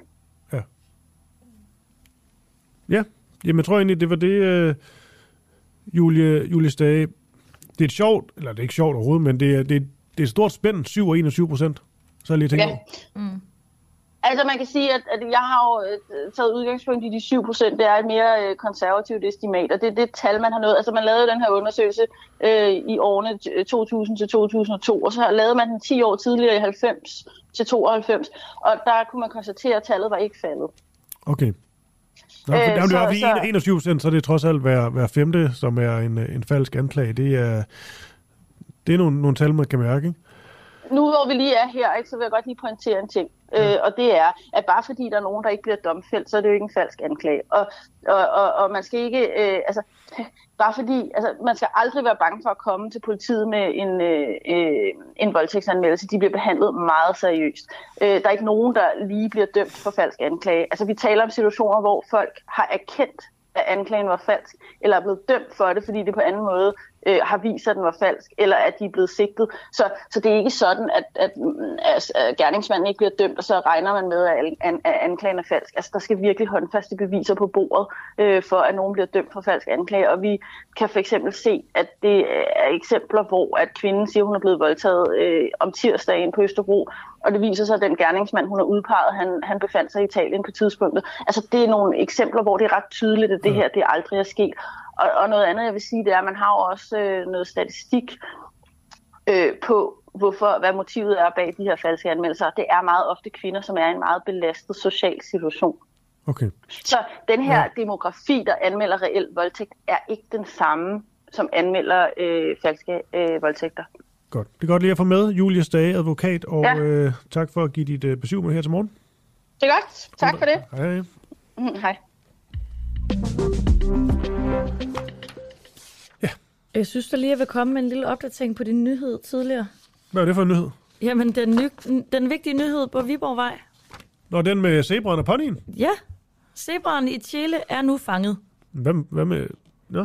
Pony stadig løs. Okay. Ja. Så Midt- og Vest øh, Jyllands politi, der er altså en advarsel til trafikanterne, som øh, det er ikke helt, er gældende der. Det er ikke helt så eksotisk, men det er rigtigt det, du sagde med, at... Øh, at det gør, hvis man, hvis man sidder der i sin bil helt morgentræt, og ikke noget at få kaffe endnu, og så ser du bare en zebra lige ud foran dit rude. Altså, man må virkelig tænke, om jeg, at, drømmer jeg. Ja. Nå. Nå, den er altså fanget. Det er jo meget godt, alt i alt. Det tror jeg er meget godt. Ja. ja. Øhm, ja. Vi skal til et tema nu. Det skal vi nemlig. Corona-tema. Ja. Og snakken om øh, det her begreb samfundskritisk sygdom. Øh, en af vores lyttere, Martin Reiter, har øh, bedt os om at undersøge en række spørgsmål om øh, corona og begrebet samfundskritisk sygdom. Vi har øh, tidligere på ugen, der talte Christian og Clara med øh, Allan Randrup, violon. Øh, og i går, der talte øh, Oliver og jeg med øh, Christian, Christian Kanstrup Holm øh, om øh, det samme. I dag, der skal vi... Øh, der skal vi tale med Stinus Lindgren, forhåndværende øh, folketingsmedlem og øh, sundhedsordfører i Radikale Venstre. Godmorgen, Stinus. Godmorgen. Hvem fandt egentlig på begrebet samfundskritisk sygdom? Jamen, det blev, blev indført med den nye epidemilov, altså den, der blev vedtaget i starten af 2021. Øh, som I selvfølgelig husker, så havde vi jo den her meget pressede proces i, i starten af 2020. Øh, og der var et af kravene jo, at den epidemilov, man vedtog på 24 timer dengang, den skulle maks leve i et år, og så skulle man have en ny epidemilov. Øh, og i den forbindelse, da vi fik den nye epidemilov i 2021, der indførte man det her nye begreb, som man jo ikke havde i de tidligere epidemilov i Danmark. Øh, og det, det kom så af, at man jo, hvad kan man sige, under corona blev vi jo opmærksom på, at der var nogle, nogle uhensigtsmæssigheder i den, i den gamle epidemilov i forhold til, hvilke værktøjer man kunne tage i brug, og hvornår kunne man gøre hvad. Og der skulle vi have en anden klarhed, så det var fuldstændig lysende klart for alle, hvornår en given sygdom kunne give ophav til, at regeringen kunne indføre forskellige restriktioner. Øh, og der er nødt, det er til at have nogle forskellige øh, kategorier af sygdomme. Det havde man også tidligere, nu har vi bare kaldt noget andet. Man har smitsomme sygdomme, man har almindeligt farlige sygdomme, og så har man den her nye kategori, som øh, jeg kan huske i salen, både jeg og Henrik Dahl, øh, snakker, om, vi skulle have en form for sygdom X, altså en sygdom, vi ikke helt ved nok om til at vide, hvor vi skal placere den henne. Det blev så til det her nye begreb, samfundskritisk øh, sygdom, som kom med i, øh, i den nye epidemilov. Så det var simpelthen bare jer, der fandt på, at noget kunne hedde samfundskritisk sygdom?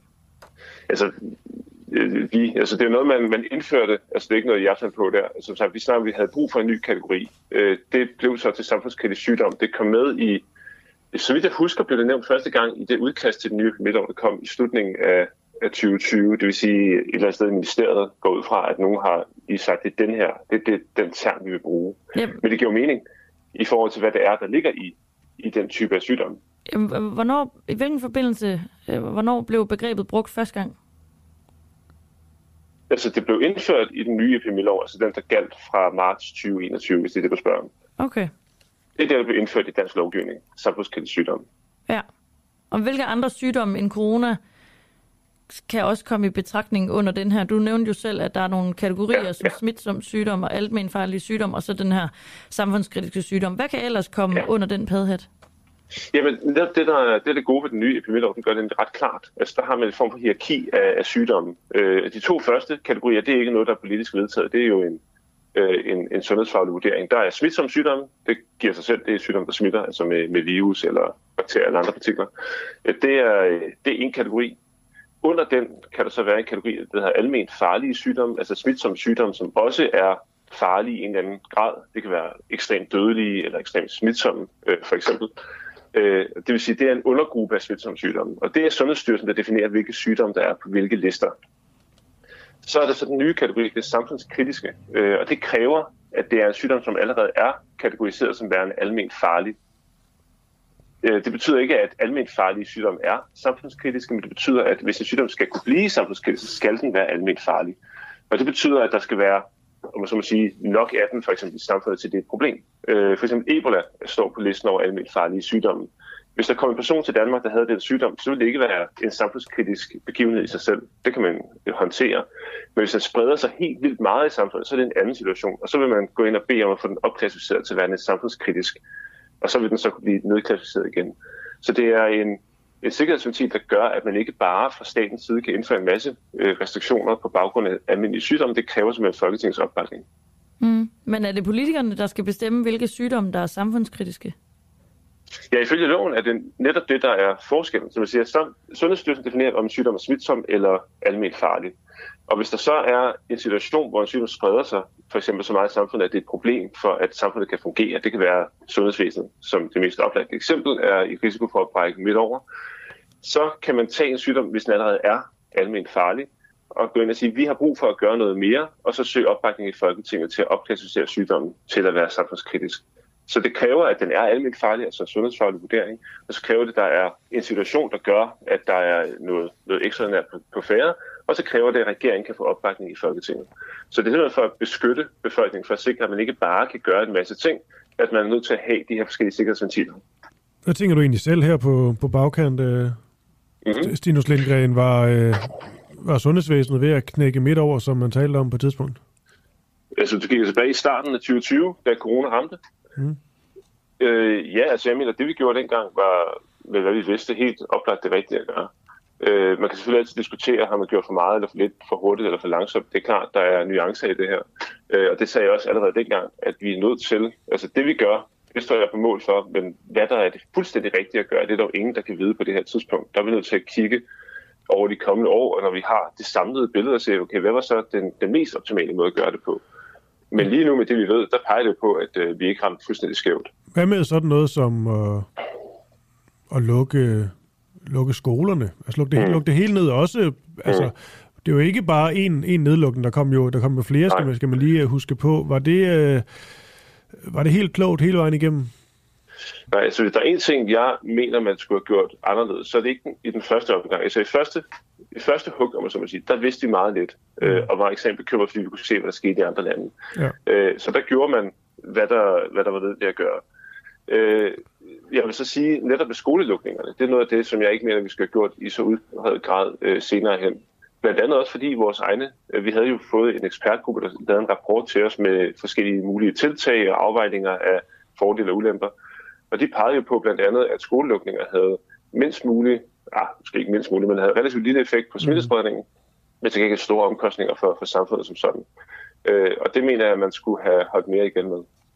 Ja. Øh, ikke, ikke i første omgang, men altså i, i de senere bølger, især når men vi har du... mere styr på, ja. hvor smittespredningen var. Men det er bare, når man, når man sidder og graver lidt ned i det, der så øh, blev gjort og ikke gjort, så kan mm-hmm. det bare, der er meget der, der kan forvirre lidt i forhold til nogle af de her, ja netop undersøgelser, der, øh, der kommer frem, og eksperter, der siger øh, det og det, og lige præcis det her med at lukke altså hele samfundet ned igen, og særligt sådan noget som, øh, som institutioner, hvor, hvor børn og unge går, det skal man ikke gøre, så gør man det alligevel øh, til, ekstreme store, til ekstremt store omkostninger, også øh, psykiske omkostninger for de involverede.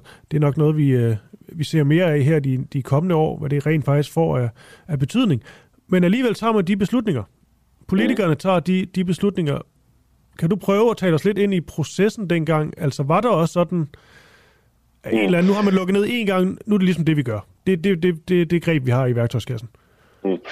Øh, et par ting. For det første, så er det vigtigt at huske på, at mm. det her er ikke så super simpelt, at hele den her mistrivselskrise, vi taler så meget om, det er jo ikke noget, der er opstået de sidste par år. Det er jo noget, vi har set tegn på de sidste 5-10 år. Øh, jeg er helt sikker på til gengæld, at corona har ligesom koncentreret det og sat en pris på, at her er noget, vi skal opmærksom på. Men det er jo ikke sådan, at der ikke var mistrivsel blandt børn og unge før øh, corona. Så man, det, er, det er for simpelt at sige, at det var på grund af det, at vi har de problemer, vi har i dag. Øh, det har vi ikke sagt, at det kan gøre den værre, men det er ikke der, de kommer fra. Så det, det er en ting, der er vigtigt at have med her. Hvis vi løser problemer, skal vi også være rimelig klar på, hvor årsagen ligger henne. Øhm, og i forhold til skolelukningerne, som sagt, de første gange, der mener jeg, at det var det rigtige at gøre, fordi med det vi vidste, der var ikke rigtig andre muligheder. Også fordi, skal man også huske, vi har også sagt, at vildt mange skulle arbejde hjemme, så der var lige pludselig et problem med, at altså, hvor, var, hvor var folk i samfundet. Så der var nogle, nogle afledte effekter af de beslutninger, man traf. Øh, og så er det klart, hvis man sidder i dag og kigger tilbage, så er det utrolig nemt at lave en anden skrivebordsøvelse i forhold til, hvordan man, man burde have gjort det, hvad det vi ved i dag, men det gjorde vi bare ikke på det tidspunkt. Så det, det skal man også huske. Altså, jeg har jo selv en, som ved, en akademisk baggrund, og det, det er nemt at sidde øh, og have altid i verden og finde ud af, hvad der ville være det optimale at gøre. Noget lidt andet at stå i situationer og faktisk træffe beslutninger, fordi det er noget, der haster, og som noget, som har store konsekvenser. Men med skolelukninger, det havde vi jo store diskussioner omkring øh, for og imod, og vi har haft møder med, med de forskellige eksperter, og der er forskellige faser i det her, skal man også huske. Øh, den gamle epidemilov, altså den, der blev vedtaget i 2020, som kaldte i et år, øh, der var jo ikke som sådan en lov, altså øh, Folketinget kan altid vælge en regering, det er klart, men det er ikke, der var ikke den samme parlamentariske kontrol, som der var, eller er, med den nuværende epidemilov, der blev vedtaget i 21. Epidemiudvalget blev først nedsat i marts 21, Øh, og det var også første gang, vi sådan officielt klassificerede sygdommen som værende samfundskritisk. Det var jo ikke en, en term, der var før da, så det var, så det husker 8. marts, vi havde det møde. Øhm, der begyndte man jo at have nogle andre former for diskussioner, hvor vi havde eksterne eksperter inde og havde flere øh, kan man sige, dybe debatter omkring for og imod de enkelte tiltag. Øh, og der, øh, det var også derfor, at nogle af de nedlukninger, der kom, var jo meget mere begrænset, end, øh, end de var tidligere. Også fordi vi så begyndte at få vaccinerne, begyndte at få et bedre forståelse af sygdomsbilledet, begyndte at få et bedre forståelse af, af risikogrupper osv. Så det hele ændrer sig jo løbende. Det blev det langt svar, beklager. Nej, nej, det er orden.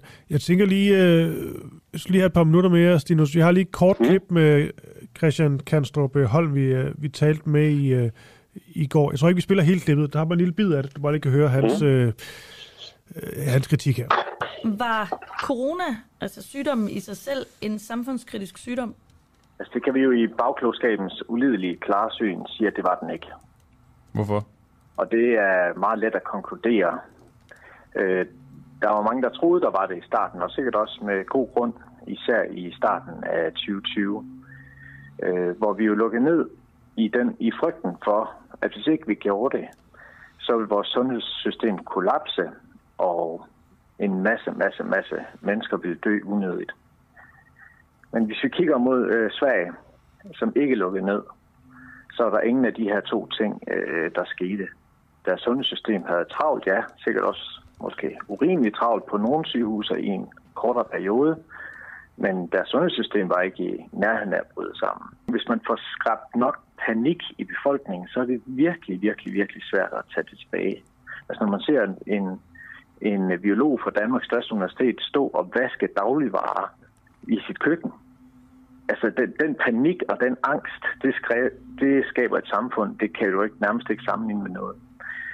Øh, så det kunne man ligesom ikke rulle tilbage fra. Det, jeg tror, det er noget af den retning. Øh, der, altså, der kan man sige, der var ikke noget øh, fagligt grundlag for det mere. Det tør jeg godt forstå. Okay. Øh, så det her med at sige, okay, det var her bare lidt træls, men nu kommer vi igennem videre. Ah, den, øh, den køber jeg altså ikke.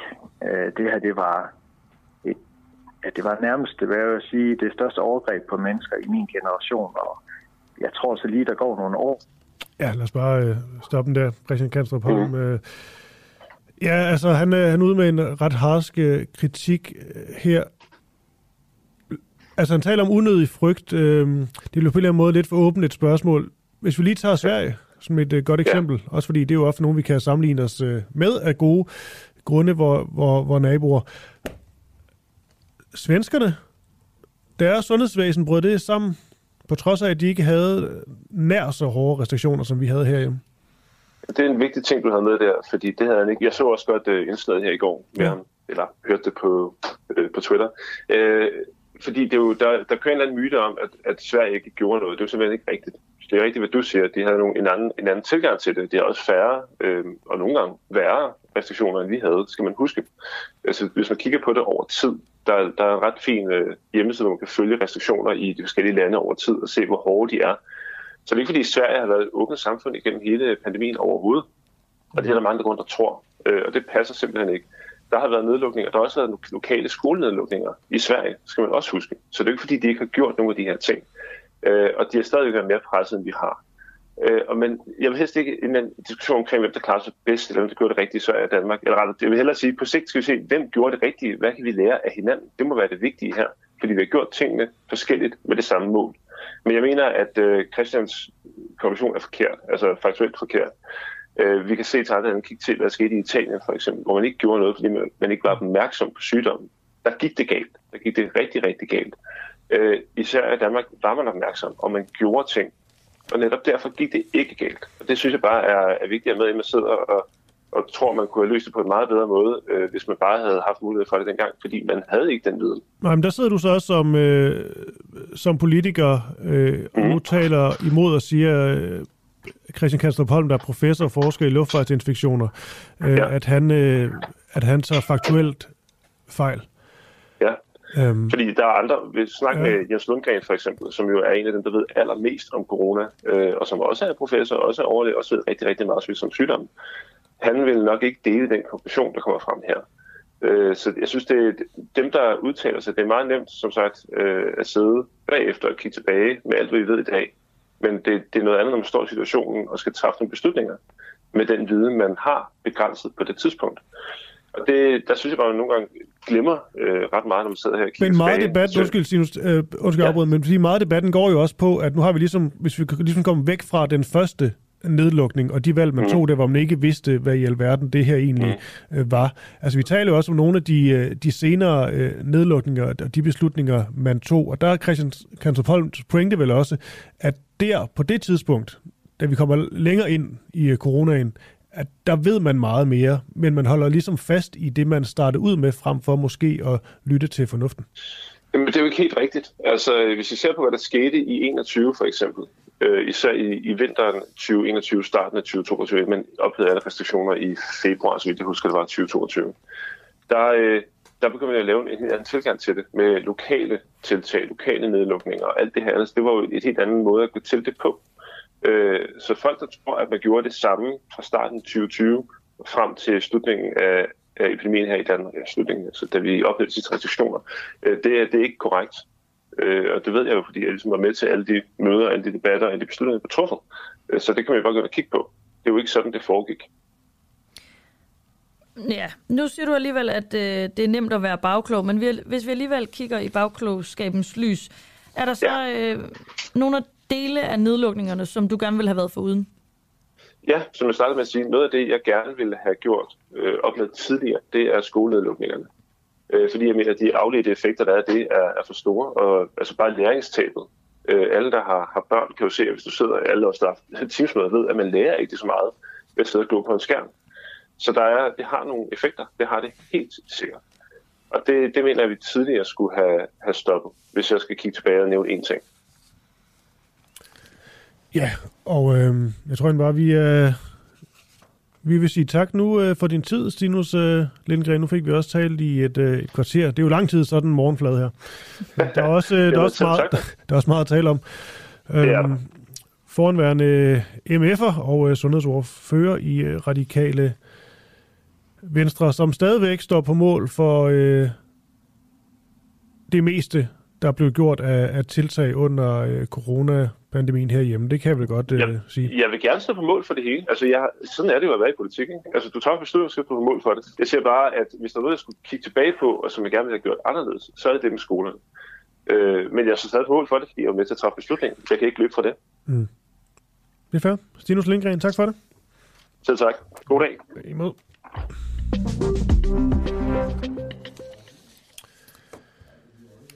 Nå, nu skal vi til øh, det store udland, Mhm. til, øh, til Pakistan. Og klokken er jo blevet lidt over halv ni. Vi sender jo frem til klokken ni, Karoline. Og ja, så vi kan lige nå på indslag mere. Mm. Og Pakistan, det er ikke i den, øh, den mundre ende. Det er en mulig katastrofal hungersnød. Man har jo hørt meget frygteligt fra Pakistan den seneste tid, også mm. med, med massive øh, oversvømmelser. Og på en eller anden måde, det er også noget, vi har fokus på før her, den uafhængige. Er det noget, der er blevet sådan lidt underdækket, har vi følt sådan i medierne, altså i forhold til sådan katastrofens omfang?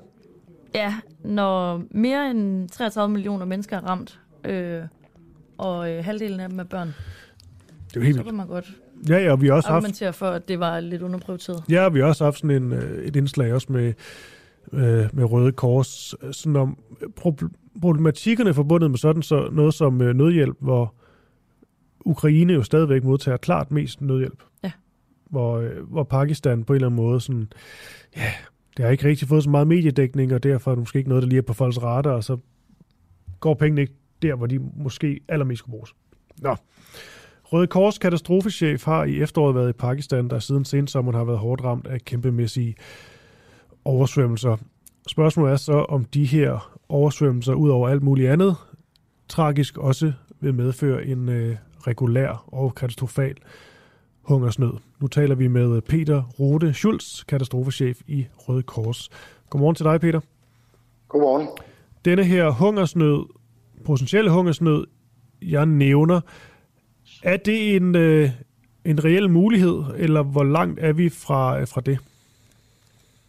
Altså, jeg vil sige, undskyld, jeg vil sige, hvad det hedder, som, som effekten af de her oversvømmelser, når man snakker om så store områder, som har været oversvømmet, hvor folk har mistet alle deres afgrøder øh, og deres livsgrundlag, Øh, og man så samtidig står i en situation nu, hvor vandet stadigvæk er der øh, tre måneder senere, og det er forventet, at det kommer til at, at tage flere måneder nu, før det helt forsvinder. Det vil sige, så folk heller ikke kunne dyrke den næste runde øh, af afgrøder, så, så vil jeg vurdere det til at sige ja. Øh, det kommer til også at have en, en længere effekt øh, de næste mange måneder, og måske også ind, langt ind i næste år, øh, hvor der kommer til at være fødevaremangel. Øh, og vi ser allerede nu, der var dernede, at, at folk er underinæret, og, og folk ikke har, øh, har noget som sige, at spise og leve af. Mm. Øh, for alt er jo simpelthen blevet, blevet skyllet væk og står under vand stadigvæk. Ja, der er jo ingen tvivl om, at, øh, at det er selvfølgelig for øh, katastrofale følger, det giver på sin vis sig selv. Men det med at tale om, om hungersnød, er der en eller, anden, en eller anden sådan, hvad hedder sådan noget, en definition, der gør, at nu kan man tale om, at det her det er gået niveauet op, som man nu taler om en hungersnød? Altså, man, man har nogle niveauer, man vurderer det på, og det bliver meget teknisk i ja. forhold til, men man har sådan en, en kategorisering, når man kommer til noget, der hedder IPC 4 og 5, så begynder vi at snakke om, at vi kommer op i hungersnød. Øh, det, det kan man ikke sige endnu, men det er jo en forventning om, at man laver nogle forudsigelser af at sige, at situationen, og endda før, at de her oversvømmelser kom, var der jo en, en del folk, som ikke havde nok at spise øh, i, i store dele af Pakistan, og det her det er jo så med til at forstærke den effekt. Øh, så, så det er jo sådan nogle hvad kan man sige, forudsigelser af, at det potentielt kommer til at ske. Øh, og, og vi har jo også fødevare, øh, stigninger i fødevarepriser osv., osv., som spiller med ind i hele, hele situationen af, om, om folk de har mad nok. Øh, og der er jo nogle kategorier af, hvor meget mad man skal have, før at, at vi snakker om, om, om folk får, får nok mad og får nok ernæring øh, på daglig basis. Nu spørger jeg om noget, som, øh, jeg ved sgu ikke, om du kan svare på det, men når man ja. taler om, det er bare fordi, når man taler sådan om, øh, om Pakistan, det er jo et kæmpe stort... Øh, øh, land. Jeg tror bare ikke, jeg har så meget idé om sådan, hvad Pakistan selv gør, altså, altså magthaverne i, øh, i Pakistan. Altså, hvor meget hjælp kan man få? Hvor meget hjælp er der brug fra øh, udefra, for, øh, øh udefra for ligesom at få på en eller anden måde øh, stabiliseret det her og få givet øh, den nødhjælp, der, der er brug for? Altså, hvor meget kan Pakistan selv bidrage med til deres øh, befolkning? Altså, de kan jo bidrage med noget, men ja, det er jo ikke, øh, det er jo, det er jo ikke et, et, et vestligt land på den måde. Og når, altså man siger, når, når omfanget er så stort, altså jeg tror, man skal huske på, at vi snakker om, det er en tredjedel af landet, der var oversvømmet. 33 millioner mennesker, som var blevet påvirket af det. Altså selv for mig, som har arbejdet i, i den her branche og, og med katastrofeindsatser i mange år, øh, er det her nogle, nogle fuldstændig urealistiske tal, som, som jeg ikke har set tidligere i, i det samme land. At det er så omfangsrigt, øh, det der har sket. Øh, så, så selv, altså jeg tror ikke, der er nogen lande, der nogensinde ville kunne hjælpe alle de mennesker på én gang. Øh, og, og selv os som humanitære organisationer har vi jo heller ikke kunne, kunne hjælpe alle mennesker. Det, det, det har vi simpelthen ikke ressourcerne til. Øh. Hvad kan det så, øh, så ende med? Fordi man, øh, man hører jo ofte om øh, store katastrofer, så ender i, øh, i masse, hvad hedder det sådan noget med, at man ligesom mod, bliver nødt til at søge andre steder hen, hvilket selvfølgelig giver god mening. Men er de andre steder, er det så øh, uden for Pakistans øh, øh, grænser? Altså, jeg har ikke øh, hørt eller set eksempler på umiddelbart, at folk de, øh, de, de begyndte at bevæge sig ud over grænsen. Der er masser af interne fordrevne, som jo ikke kan tage tilbage til der, hvor de bor, fordi de stadigvæk er oversvømmet. Øh, deres huse er blevet ødelagt. Og jeg tror, det seneste tal var, at det stadig var to millioner, som var, var internt fordrevne og ikke havde altså et sted at bo. Men jeg har ikke hørt, at, at mm, der var den større bevægelse væk fra Pakistan, end, end der normalt er, hvis man skal sige det så. Det, det, det har jeg ikke oplevet, nej. Okay. Hvad, hvad, gør de, hvad gør de så? Ja, hvad gør de så? Altså, jeg, jeg ved ikke, det er, jo, det, er jo, det er jo nogle forfærdelige situationer, når man ser folk, som ikke har øh, et, et sted at bo, og som bor langs vejen. Øh, og nu er det jo så tre måneder siden, og og der er stadigvæk folk, der bor langs vejen. Øh, så er der etableret selvfølgelig nogle lejre til folk, men, men fordi at, at omfanget er så stort, øh, så, så, så er der stadig masser og masser af steder, hvor folk de bor på de steder, som stadigvæk er, er højere øh, end, end der, hvor vandet de står. Øh, og så, så kan man sige, så klumper folk sig lidt sammen der. Øh, og vi har jo ydet hjælp med at give folk telte og præsendinger og, og hvad der skal til for, at folk i hvert fald midlertidigt har et, et sted at, at, at tage over hovedet øh, af, af i hvert fald en eller anden form. Føler du egentlig, øh, det er fordi nu er lige inde på Røde Kors øh, hjemmeside, føler du, at, ja. øh, at Røde Kors har fokus nok på den hjælp, øh, Pakistan har, har brug for? Altså, er der bliver der siger, reklameret nok for, at, at Pakistan er et sted, der burde få økonomisk hjælp lige nu? Og det er, jo, det er jo en svær balance, fordi Pakistan er jo ikke det eneste sted, hvor vi har øh, en, en, hvad vi nogle gange kalder en glemt katastrofe. Der er, der er hvad hedder, konflikt og, og hungersnød i, i Etiopien, der er hungersnød i Somalia, i Vestafrika, der er Syrien, der er Yemen. Altså, der er jo simpelthen så mange steder, hvor, mm. hvor der er behov for humanitær hjælp. Så, så det er jo også sådan lidt... Men du siger også bare omfanget øh, den her, at det her er helt ekstremt. Når man går ind på hjemmesiden, så er der bare en stor overskrift med vinteren i Ukraine er på vej, og så kan man hjælpe der. Så, så er der nævnt Yemen, eller så er det udsatte børn, og så går man ned, så er den hjælp Røde Kors flygtning i Ukraine, så er den hjælp Røde Kors i Ukraine, sådan kan du hjælpe. Øhm, der ja, står, der men, står men, ingenting. Det er Ukraine, Ukraine, Ukraine. Det er rigtigt, men, men hvad kan man sige, det, det, er, jo, det er jo altid en balance øh, i forhold til, hvad, hvad, hvad fokus er i den måde, vi laver vores fundraising på. Øh, og, og der jeg er simpelthen så mange behov jeg kunne bare forestille så... mig, Det er ikke, at skal blive kritisk en det her, men jeg kunne, bare, jeg, jeg kunne bare forestille mig, at, at Ukraine om nogen har fået meget nødhjælp, fordi det er i medierne over det hele.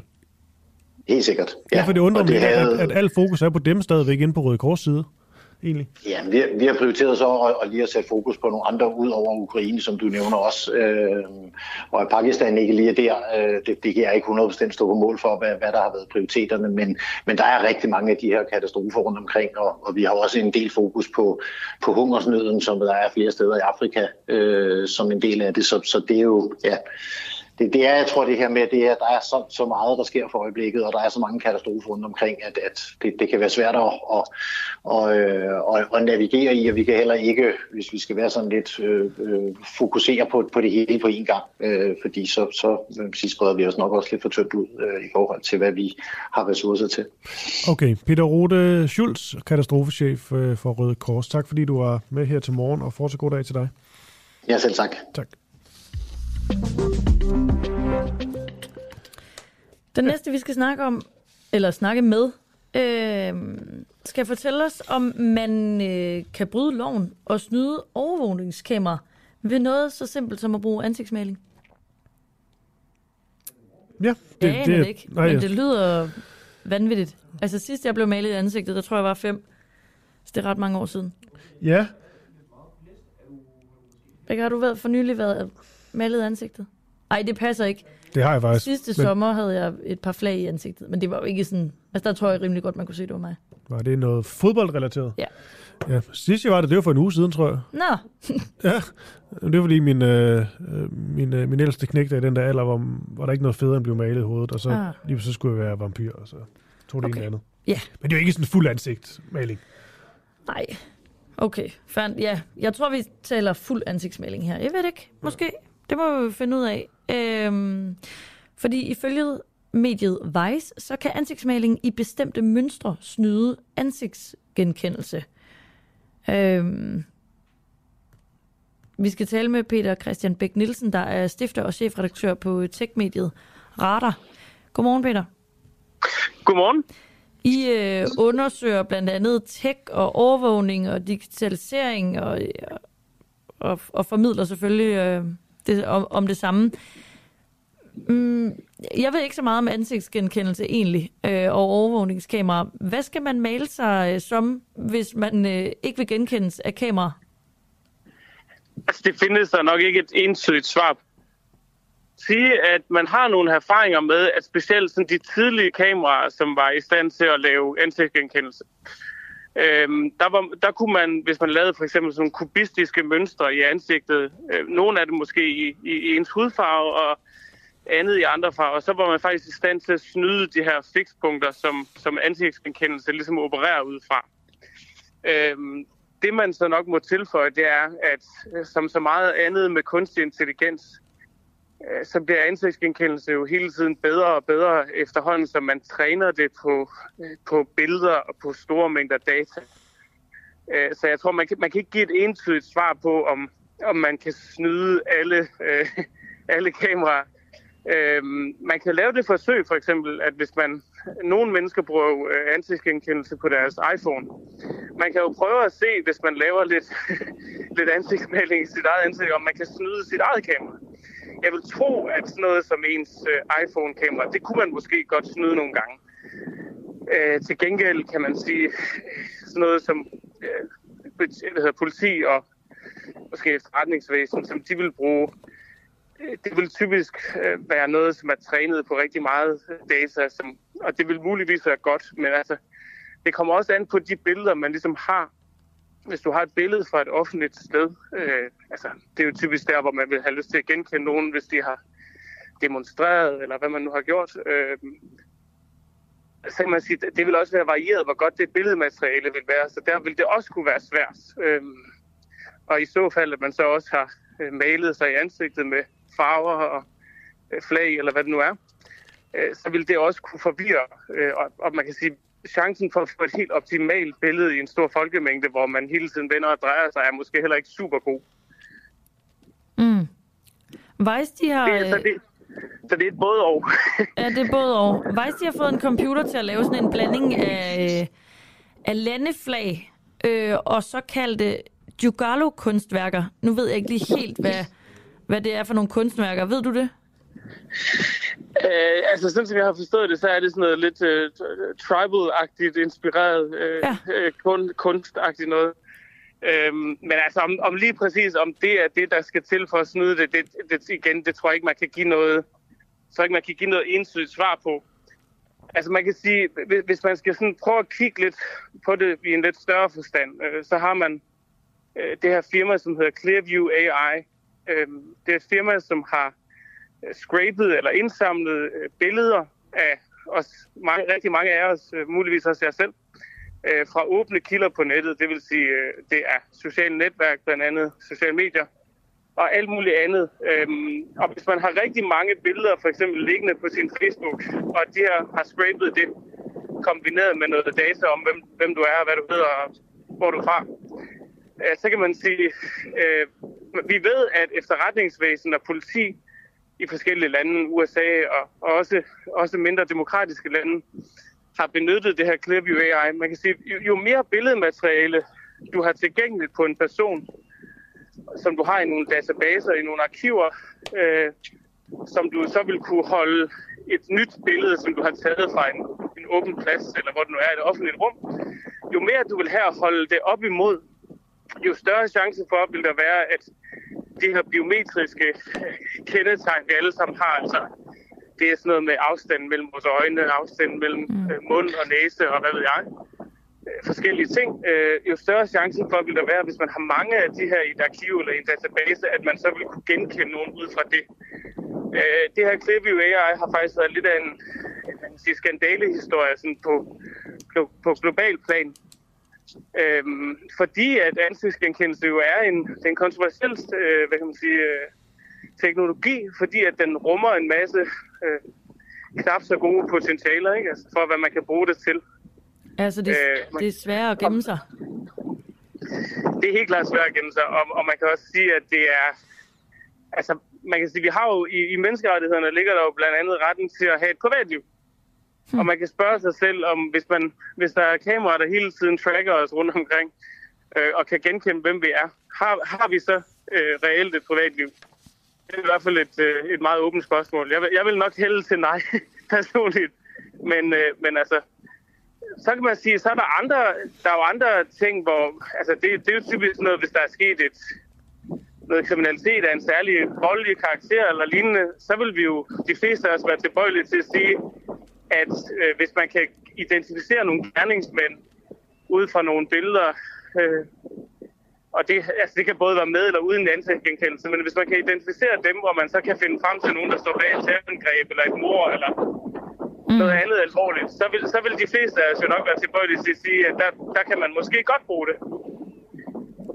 Nu ved jeg meget lidt om for eksempel øh, England og Kinas øh, overvågningskamera, men men vil man kunne gemme sig for dem ved at male sig i ansigtet? Altså, jeg vil sige, selv uden at male sig i ansigtet, jeg, jeg har sådan kigget på noget forskellige, nogle forskellige resultater fra England. England har jo det her, der hedder CCTV, som er sådan en meget udbredt brug af, øh, af hvad hedder det, kamera i, i det offentlige rum. Og man kan sige, i hvert fald flere af de ting, jeg har læst af resultater sådan igennem årene, man har samlet ind, det viser faktisk, at selv uden, ansigt, eller selv uden ansigtsmaling og diverse, så er der faktisk en relativt stor fejlmargen på, på de her kameraer, som, som kører ansigtsgenkendelse. Så det er ikke sikkert, altså selv uden ansigtsmaling, at, at man bliver genkendt for den, man er. Øh, så det, igen, det er, sådan, det er et lidt modret svar, men altså, jeg tror bare, man skal antage, eller man kan med god grund antage, at selvfølgelig bliver efterhånden, som man træner den her AI, der, der ligger bag øh, de forskellige firmaers teknologi, efterhånden som man træner den mere og mere, jo bedre bliver de selvfølgelig også til at genkende os. Og det er sådan set uagtet ansigtsmaling, ikke ansigtsmaling. Men jeg vil sige, der er der en chance, hvis, man, hvis det er fordi, der er nogen, der vil bruge det i praksis, så, det sige, så er der, der i hvert fald en chance for, at, at, at man måske ikke bliver genkendt, hvis man har malet sig ansigtet. Så svaret på, om man kan bryde loven og snyde overvågningskamera med ansigtsmaling, det er ikke et klokkeklart ja, men der er ret stor sandsynlighed. Jeg tør ikke at sige, om det er stor sandsynlighed, men der er i hvert fald en klar sandsynlighed for det. Øhm, så, så det, ja. Altså det, jeg tror, hvis du skal snyde det for alvor, så skal du, øh, så skal du bære en maske. Og igen, det, det er ikke en opfordring herfra, men altså, man kan sige, hvis du kun, hvis du, hvis du, hvis du kun kan, kan genkende folks øjne, øh, så, så kan man sige, så er det svært, fordi så, altså ansigtsgenkendelse baserer sig som sagt på nogle forskellige biometriske markører, og, og der vil øjnene typisk ikke være nok, øh, når, man, når man taler om et almindeligt billede, der er taget på, på en vis afstand. Mm. Peter Christian øh, Bæk Nielsen, stifter og chefredaktør på TechMediet Radio tak skal du have, og øh, så er der altså ikke en opfordring til hverken at tage en maske på eller male sig i ansigtet, hvis øh, Nej, det... man skal ud og gøre noget det. kriminelt. God morgen. Det er det. Det er godt. Hej. Og det sidste indslag for i dag handler om øh, Kina. Har Kinas corona-lockdown ført til mere vold mod kvinder? Sagerne om vold i hjemmet, de er mange og voldsomme igen og igen, der går de her historier om mishandlede kvinder i øh, Kina viralt. Den sidste kilde her til morgen, det er Alexander Schøberg. Han er Asien-korrespondent hos Berlinske. Er du øh, med, øh, Alexander? Nå, han er næsten med, kan man næsten høre Jeg kunne næsten høre det, ja. Ja, man kan høre noget, der sker ude i regien. Alexanders navn blev nævnt. Der er hul igennem, så nu venter vi bare på, at han bliver lagt ind, og så kan vi sige Godmorgen her i radioen også. Og det sker så nu. Hej Alexander. Nej. Nej, men det er lige ved at være der. Sådan der, nu kan jeg høre et eller andet i min bøffer. Godmorgen Alexander. Godmorgen. De her øh, videoer fra Kina af vold mod, øh, mod kvinder, jeg nævnte dem sådan i meget generelle termer. Kan du lige fortælle fortælle sådan lidt mere, øh, det ved jeg ikke, konkret specifikt om nogle af de her videoer, der er gået, øh, gået viralt? Hvad er det, vi ser? Selvfølgelig. Øh, den seneste, den er fra november øh, i år. Den er fra en by, der hedder Xinmi. Og det vi ser øh, på den her video, det er simpelthen en, en kvinde, en lærerinde, der sidder og underviser sin, øh, sin øh, gymnasieklasse. Og øh, hun skændes med sin mand kortvarigt, og så styrter han simpelthen hen til hende og begynder at kvæle hende, øh, imens at hun streamer øh, live. Altså hun sidder og laver Zoom-undervisning. Og, øh, og øh, hun får, får ligesom bristet sig fri, eller han, man kan sige, han, han stopper, øh, fordi hun gør, gør modstand, og øh, det, det ender så med, at de slås øh, ved siden af skærmen, så man ikke rigtig kan se, hvad der, hvad der foregår, altså sådan uden for kameraets øh, rækkevidde. Øh, men, men, men det går voldsomt for sig, og, øh, og det ender med, at, øh, at de her elever får tilkaldt politiet. Det hele bliver jo streamet øh, live. Det er jo det absurde mm. øh, af, af det hele. Og øh, politiet dukker op, og, øh, og, og i stedet for så at sigte den her mand, og, og måske gå efter at få ham for dømt, jamen så, øh, så sker der det, at de forsoner sådan set bare det her par. Og så er det godt igen.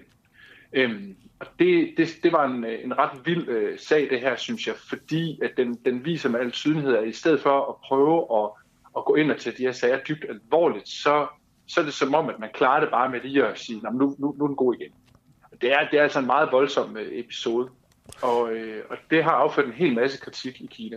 Ja, og det er jo ingen, det, det er jo ingen hemmelighed, at, øh, at sådan noget som, som vold i hjemmet, det, det har det desværre med at, med at stige i sådan situationer, hvor folk de, de skal være, være, være tættere sammen og ikke kan komme så meget ud. Og situationen i Kina har jo været ret, ret ekstrem øh, længe, i hvert fald set med, med danske briller, hvor vi går rundt i et, øh, et frit samfund nu.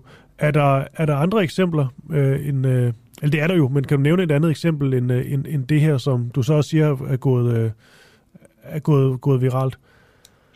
Altså jeg vil sige, jeg har ikke lagt mærke til nogen eksempler sådan det sted i hjemmet, som, hvor der, det er blevet optaget på video. Det er der jo nok også en god grund til, nemlig mm-hmm. hvem skulle optage det. Øh, men det, her, det, blevet, det bliver nævnt meget i kommentarsporene, at det her det er noget, som, som folk hører om, og det er noget, folk taler om. Og jeg hørte en, en, en, en rigtig god øh, podcast øh, her til morgen, hvor at eksperter på området, de, de siger, at, øh, at kvinder, øh, altså eksperter, der bor i Kina, siger, at kvinder, de kender, de oplever det som meget hårdere øh, at, at være under de her øh, svære forhold med, med, med nedlukninger. Fordi de skal jo tage sig af børn, samtidig med, at, øh, at de er under nedlukning. Sådan er det i Kina, det primært, at kvinderne tager sig af børn. De skal så måske også passe et arbejde oveni. Så, så der opstår en masse spændinger derhjemme, hvor de simpelthen får, får nok, og så, så kommer der skænderier, og så ved vi, øh, det har forskning vist, at, øh, at, at, at der er bare meget partnervold i Kina. Øh, det, det er oftere, at, øh, at, at, at, at der er vold, end, øh, end, end vi ser i vores del af verden. Altså det er sådan, at øh, i 2013 så svarede halvdelen af 1000 adspurgte mænd i en FN-undersøgelse, at de begik vold mod deres partner. Det er jo ganske mange. Øhm, vi ved også, at der har været øh, en, en, en masse opkald til en ny hotline, der er blevet oprettet i Kina fra, fra voldsramte i hjemmet. Den, den åbnede her i efteråret. I løbet af blot få dage, så var der 13.000 opkald. Så det er jo ganske mange. Ja, og så virker det til, at der er et, øh, et problem med, at øh, de kinesiske myndigheder, på politikere og alt muligt, ikke får gjort øh, nok ved det, eller taget det alvorligt nok. Det var sådan, jeg hørte dit første svar, at, øh, at det her var ligesom en, øh, den måde, man håndterede denne her enkeltsag, du nævnte, øh, er måske lidt øh, et større problem, vi ser. Ja, præcis. Og her har vi en masse eksempler, som jeg kan hive frem. Øh, jeg synes, øh, det mest øh, sigende, det er fra byen Tangshan i juni 2022, hvor at det er garanteret en video, mange også i Danmark har set, for den gik virkelig viralt også i Vesten. Men der, der, der er en, en gruppe mænd, som dukker op ved en, en, en sådan natåben restaurant klokken er to om natten, og der sidder nogle kvinder og hygger sig og spiser af i byen, ligesom øh, man også vil være herhjemme. Fuldstændig samme scene, som man ville kunne opleve inden omkring Nytorv eller sådan noget. Og så... Øh, så, så, så lige pludselig vil en af de her mænd forsøge noget med de her kvinder. Han tilnærmer sig, øh, tilnærmer sig, og det, det vil hun ikke finde sig i. Øhm, og, og, og, og afviser ham, og så, øh, så smadrer han hende simpelthen. Altså jeg overdriver ikke, når jeg siger smadrer hende. Altså det er noget af det mest brutale vold, jeg har set på video øh, længe, og det fortsætter ud på gaden, hvor han ender med at sparke hende, når hun ligger ned, og, og hendes veninde ryger også med, og, og hans venner øh, hjælper ham. Og den her video, den, den, er, den er endnu et eksempel på, at, at der er et mere generelt problem med, med, med vold mod kvinder i Kina. Øh, der er også en anden situation fra februar 2020, hvor at, øh, vi så en, øh, en kvinde stod lænket i et, øh, et skur øh, i, øh, i, en, i en by, der hedder Jiangsu, øh, fordi at øh, hende ville man ikke have, have inde i huset, så har man lænket hende i et skur om bagved. Altså, det er jo ret ekstreme mm. Øh, tilfælde, hvor man siger. Hvor, hvorfor er det her, øh, hvorfor er den her vold mod kvinder steget? Altså, er det seriøst bare corona-lockdown, der har ført til det? Altså, jeg synes, det virker mærkeligt, at, at volden mod kun kvinder skulle stige øh, på grund af det. Altså, de ja altså, det, det giver ikke nogen mening, at det skal gå ud over dem. Øh, altså, jo, det giver jo mening, hvis, hvis der er en, en kønsforskel i Kina i forvejen, kan man sige. Altså, når, når vi snakker om de her eksempler, så kan vi huske, at vi taler i ekstremer. Altså, nogle mm. af de mm. ting, der går viralt, det er jo, det er jo ekstreme eksempler. Øh, undersøgelser har også vist, at, øh, at, at der er noget, der tyder på, at mænd også oplever øh, partnervold, men i langt mindre grad, fordi at der i forvejen er meget partnervold mod kvinder. Når du så lukker folk inde, spærrer folk inde i deres hjem, jamen så, så er det jo måske ikke så underligt, at der kommer spændinger, der fører til, til vold. Og hvis det så i forvejen er mænd, der primært udøver den vold, så er jeg ikke overrasket, øh, når FN siger, at, øh, at, at de, de kan se tegn på, at det her det er i stigning. Øh, og den undersøgelse fra FN, den stammer jo ud fra november 2020, så der er nok sket noget i årene siden. Vi har desværre ikke nogen nyere oplysninger, men det er sådan set også ret svært at undersøge den her slags i et land som mm. Kina. Okay, Alexander Sjøberg, det kunne man tale meget mere om det her, men nu er tiden ved at løbe ud. Vi skal sige tak for i dag. Men jeg kan lige få sagt, du er Asien-korrespondent hos, øh, hos Berlinske, og øh, ja, tak fordi du er med her til morgen. Selv tak. Yep, Karoline, så var det det. Så var det to timer. Så gør jeg lige sådan her. Ja, du hedder Karoline Kert. Det er rigtigt. Dit navn er Christoffer Lind. Oliver Nubbenau i teknikken. Klokken 16, der skal Danmark gennemsmadre Australien. Og det var bare det, ikke? Jo, det tror jeg, det var. Vi lyttes ved i morgen. Det gør vi. Hej.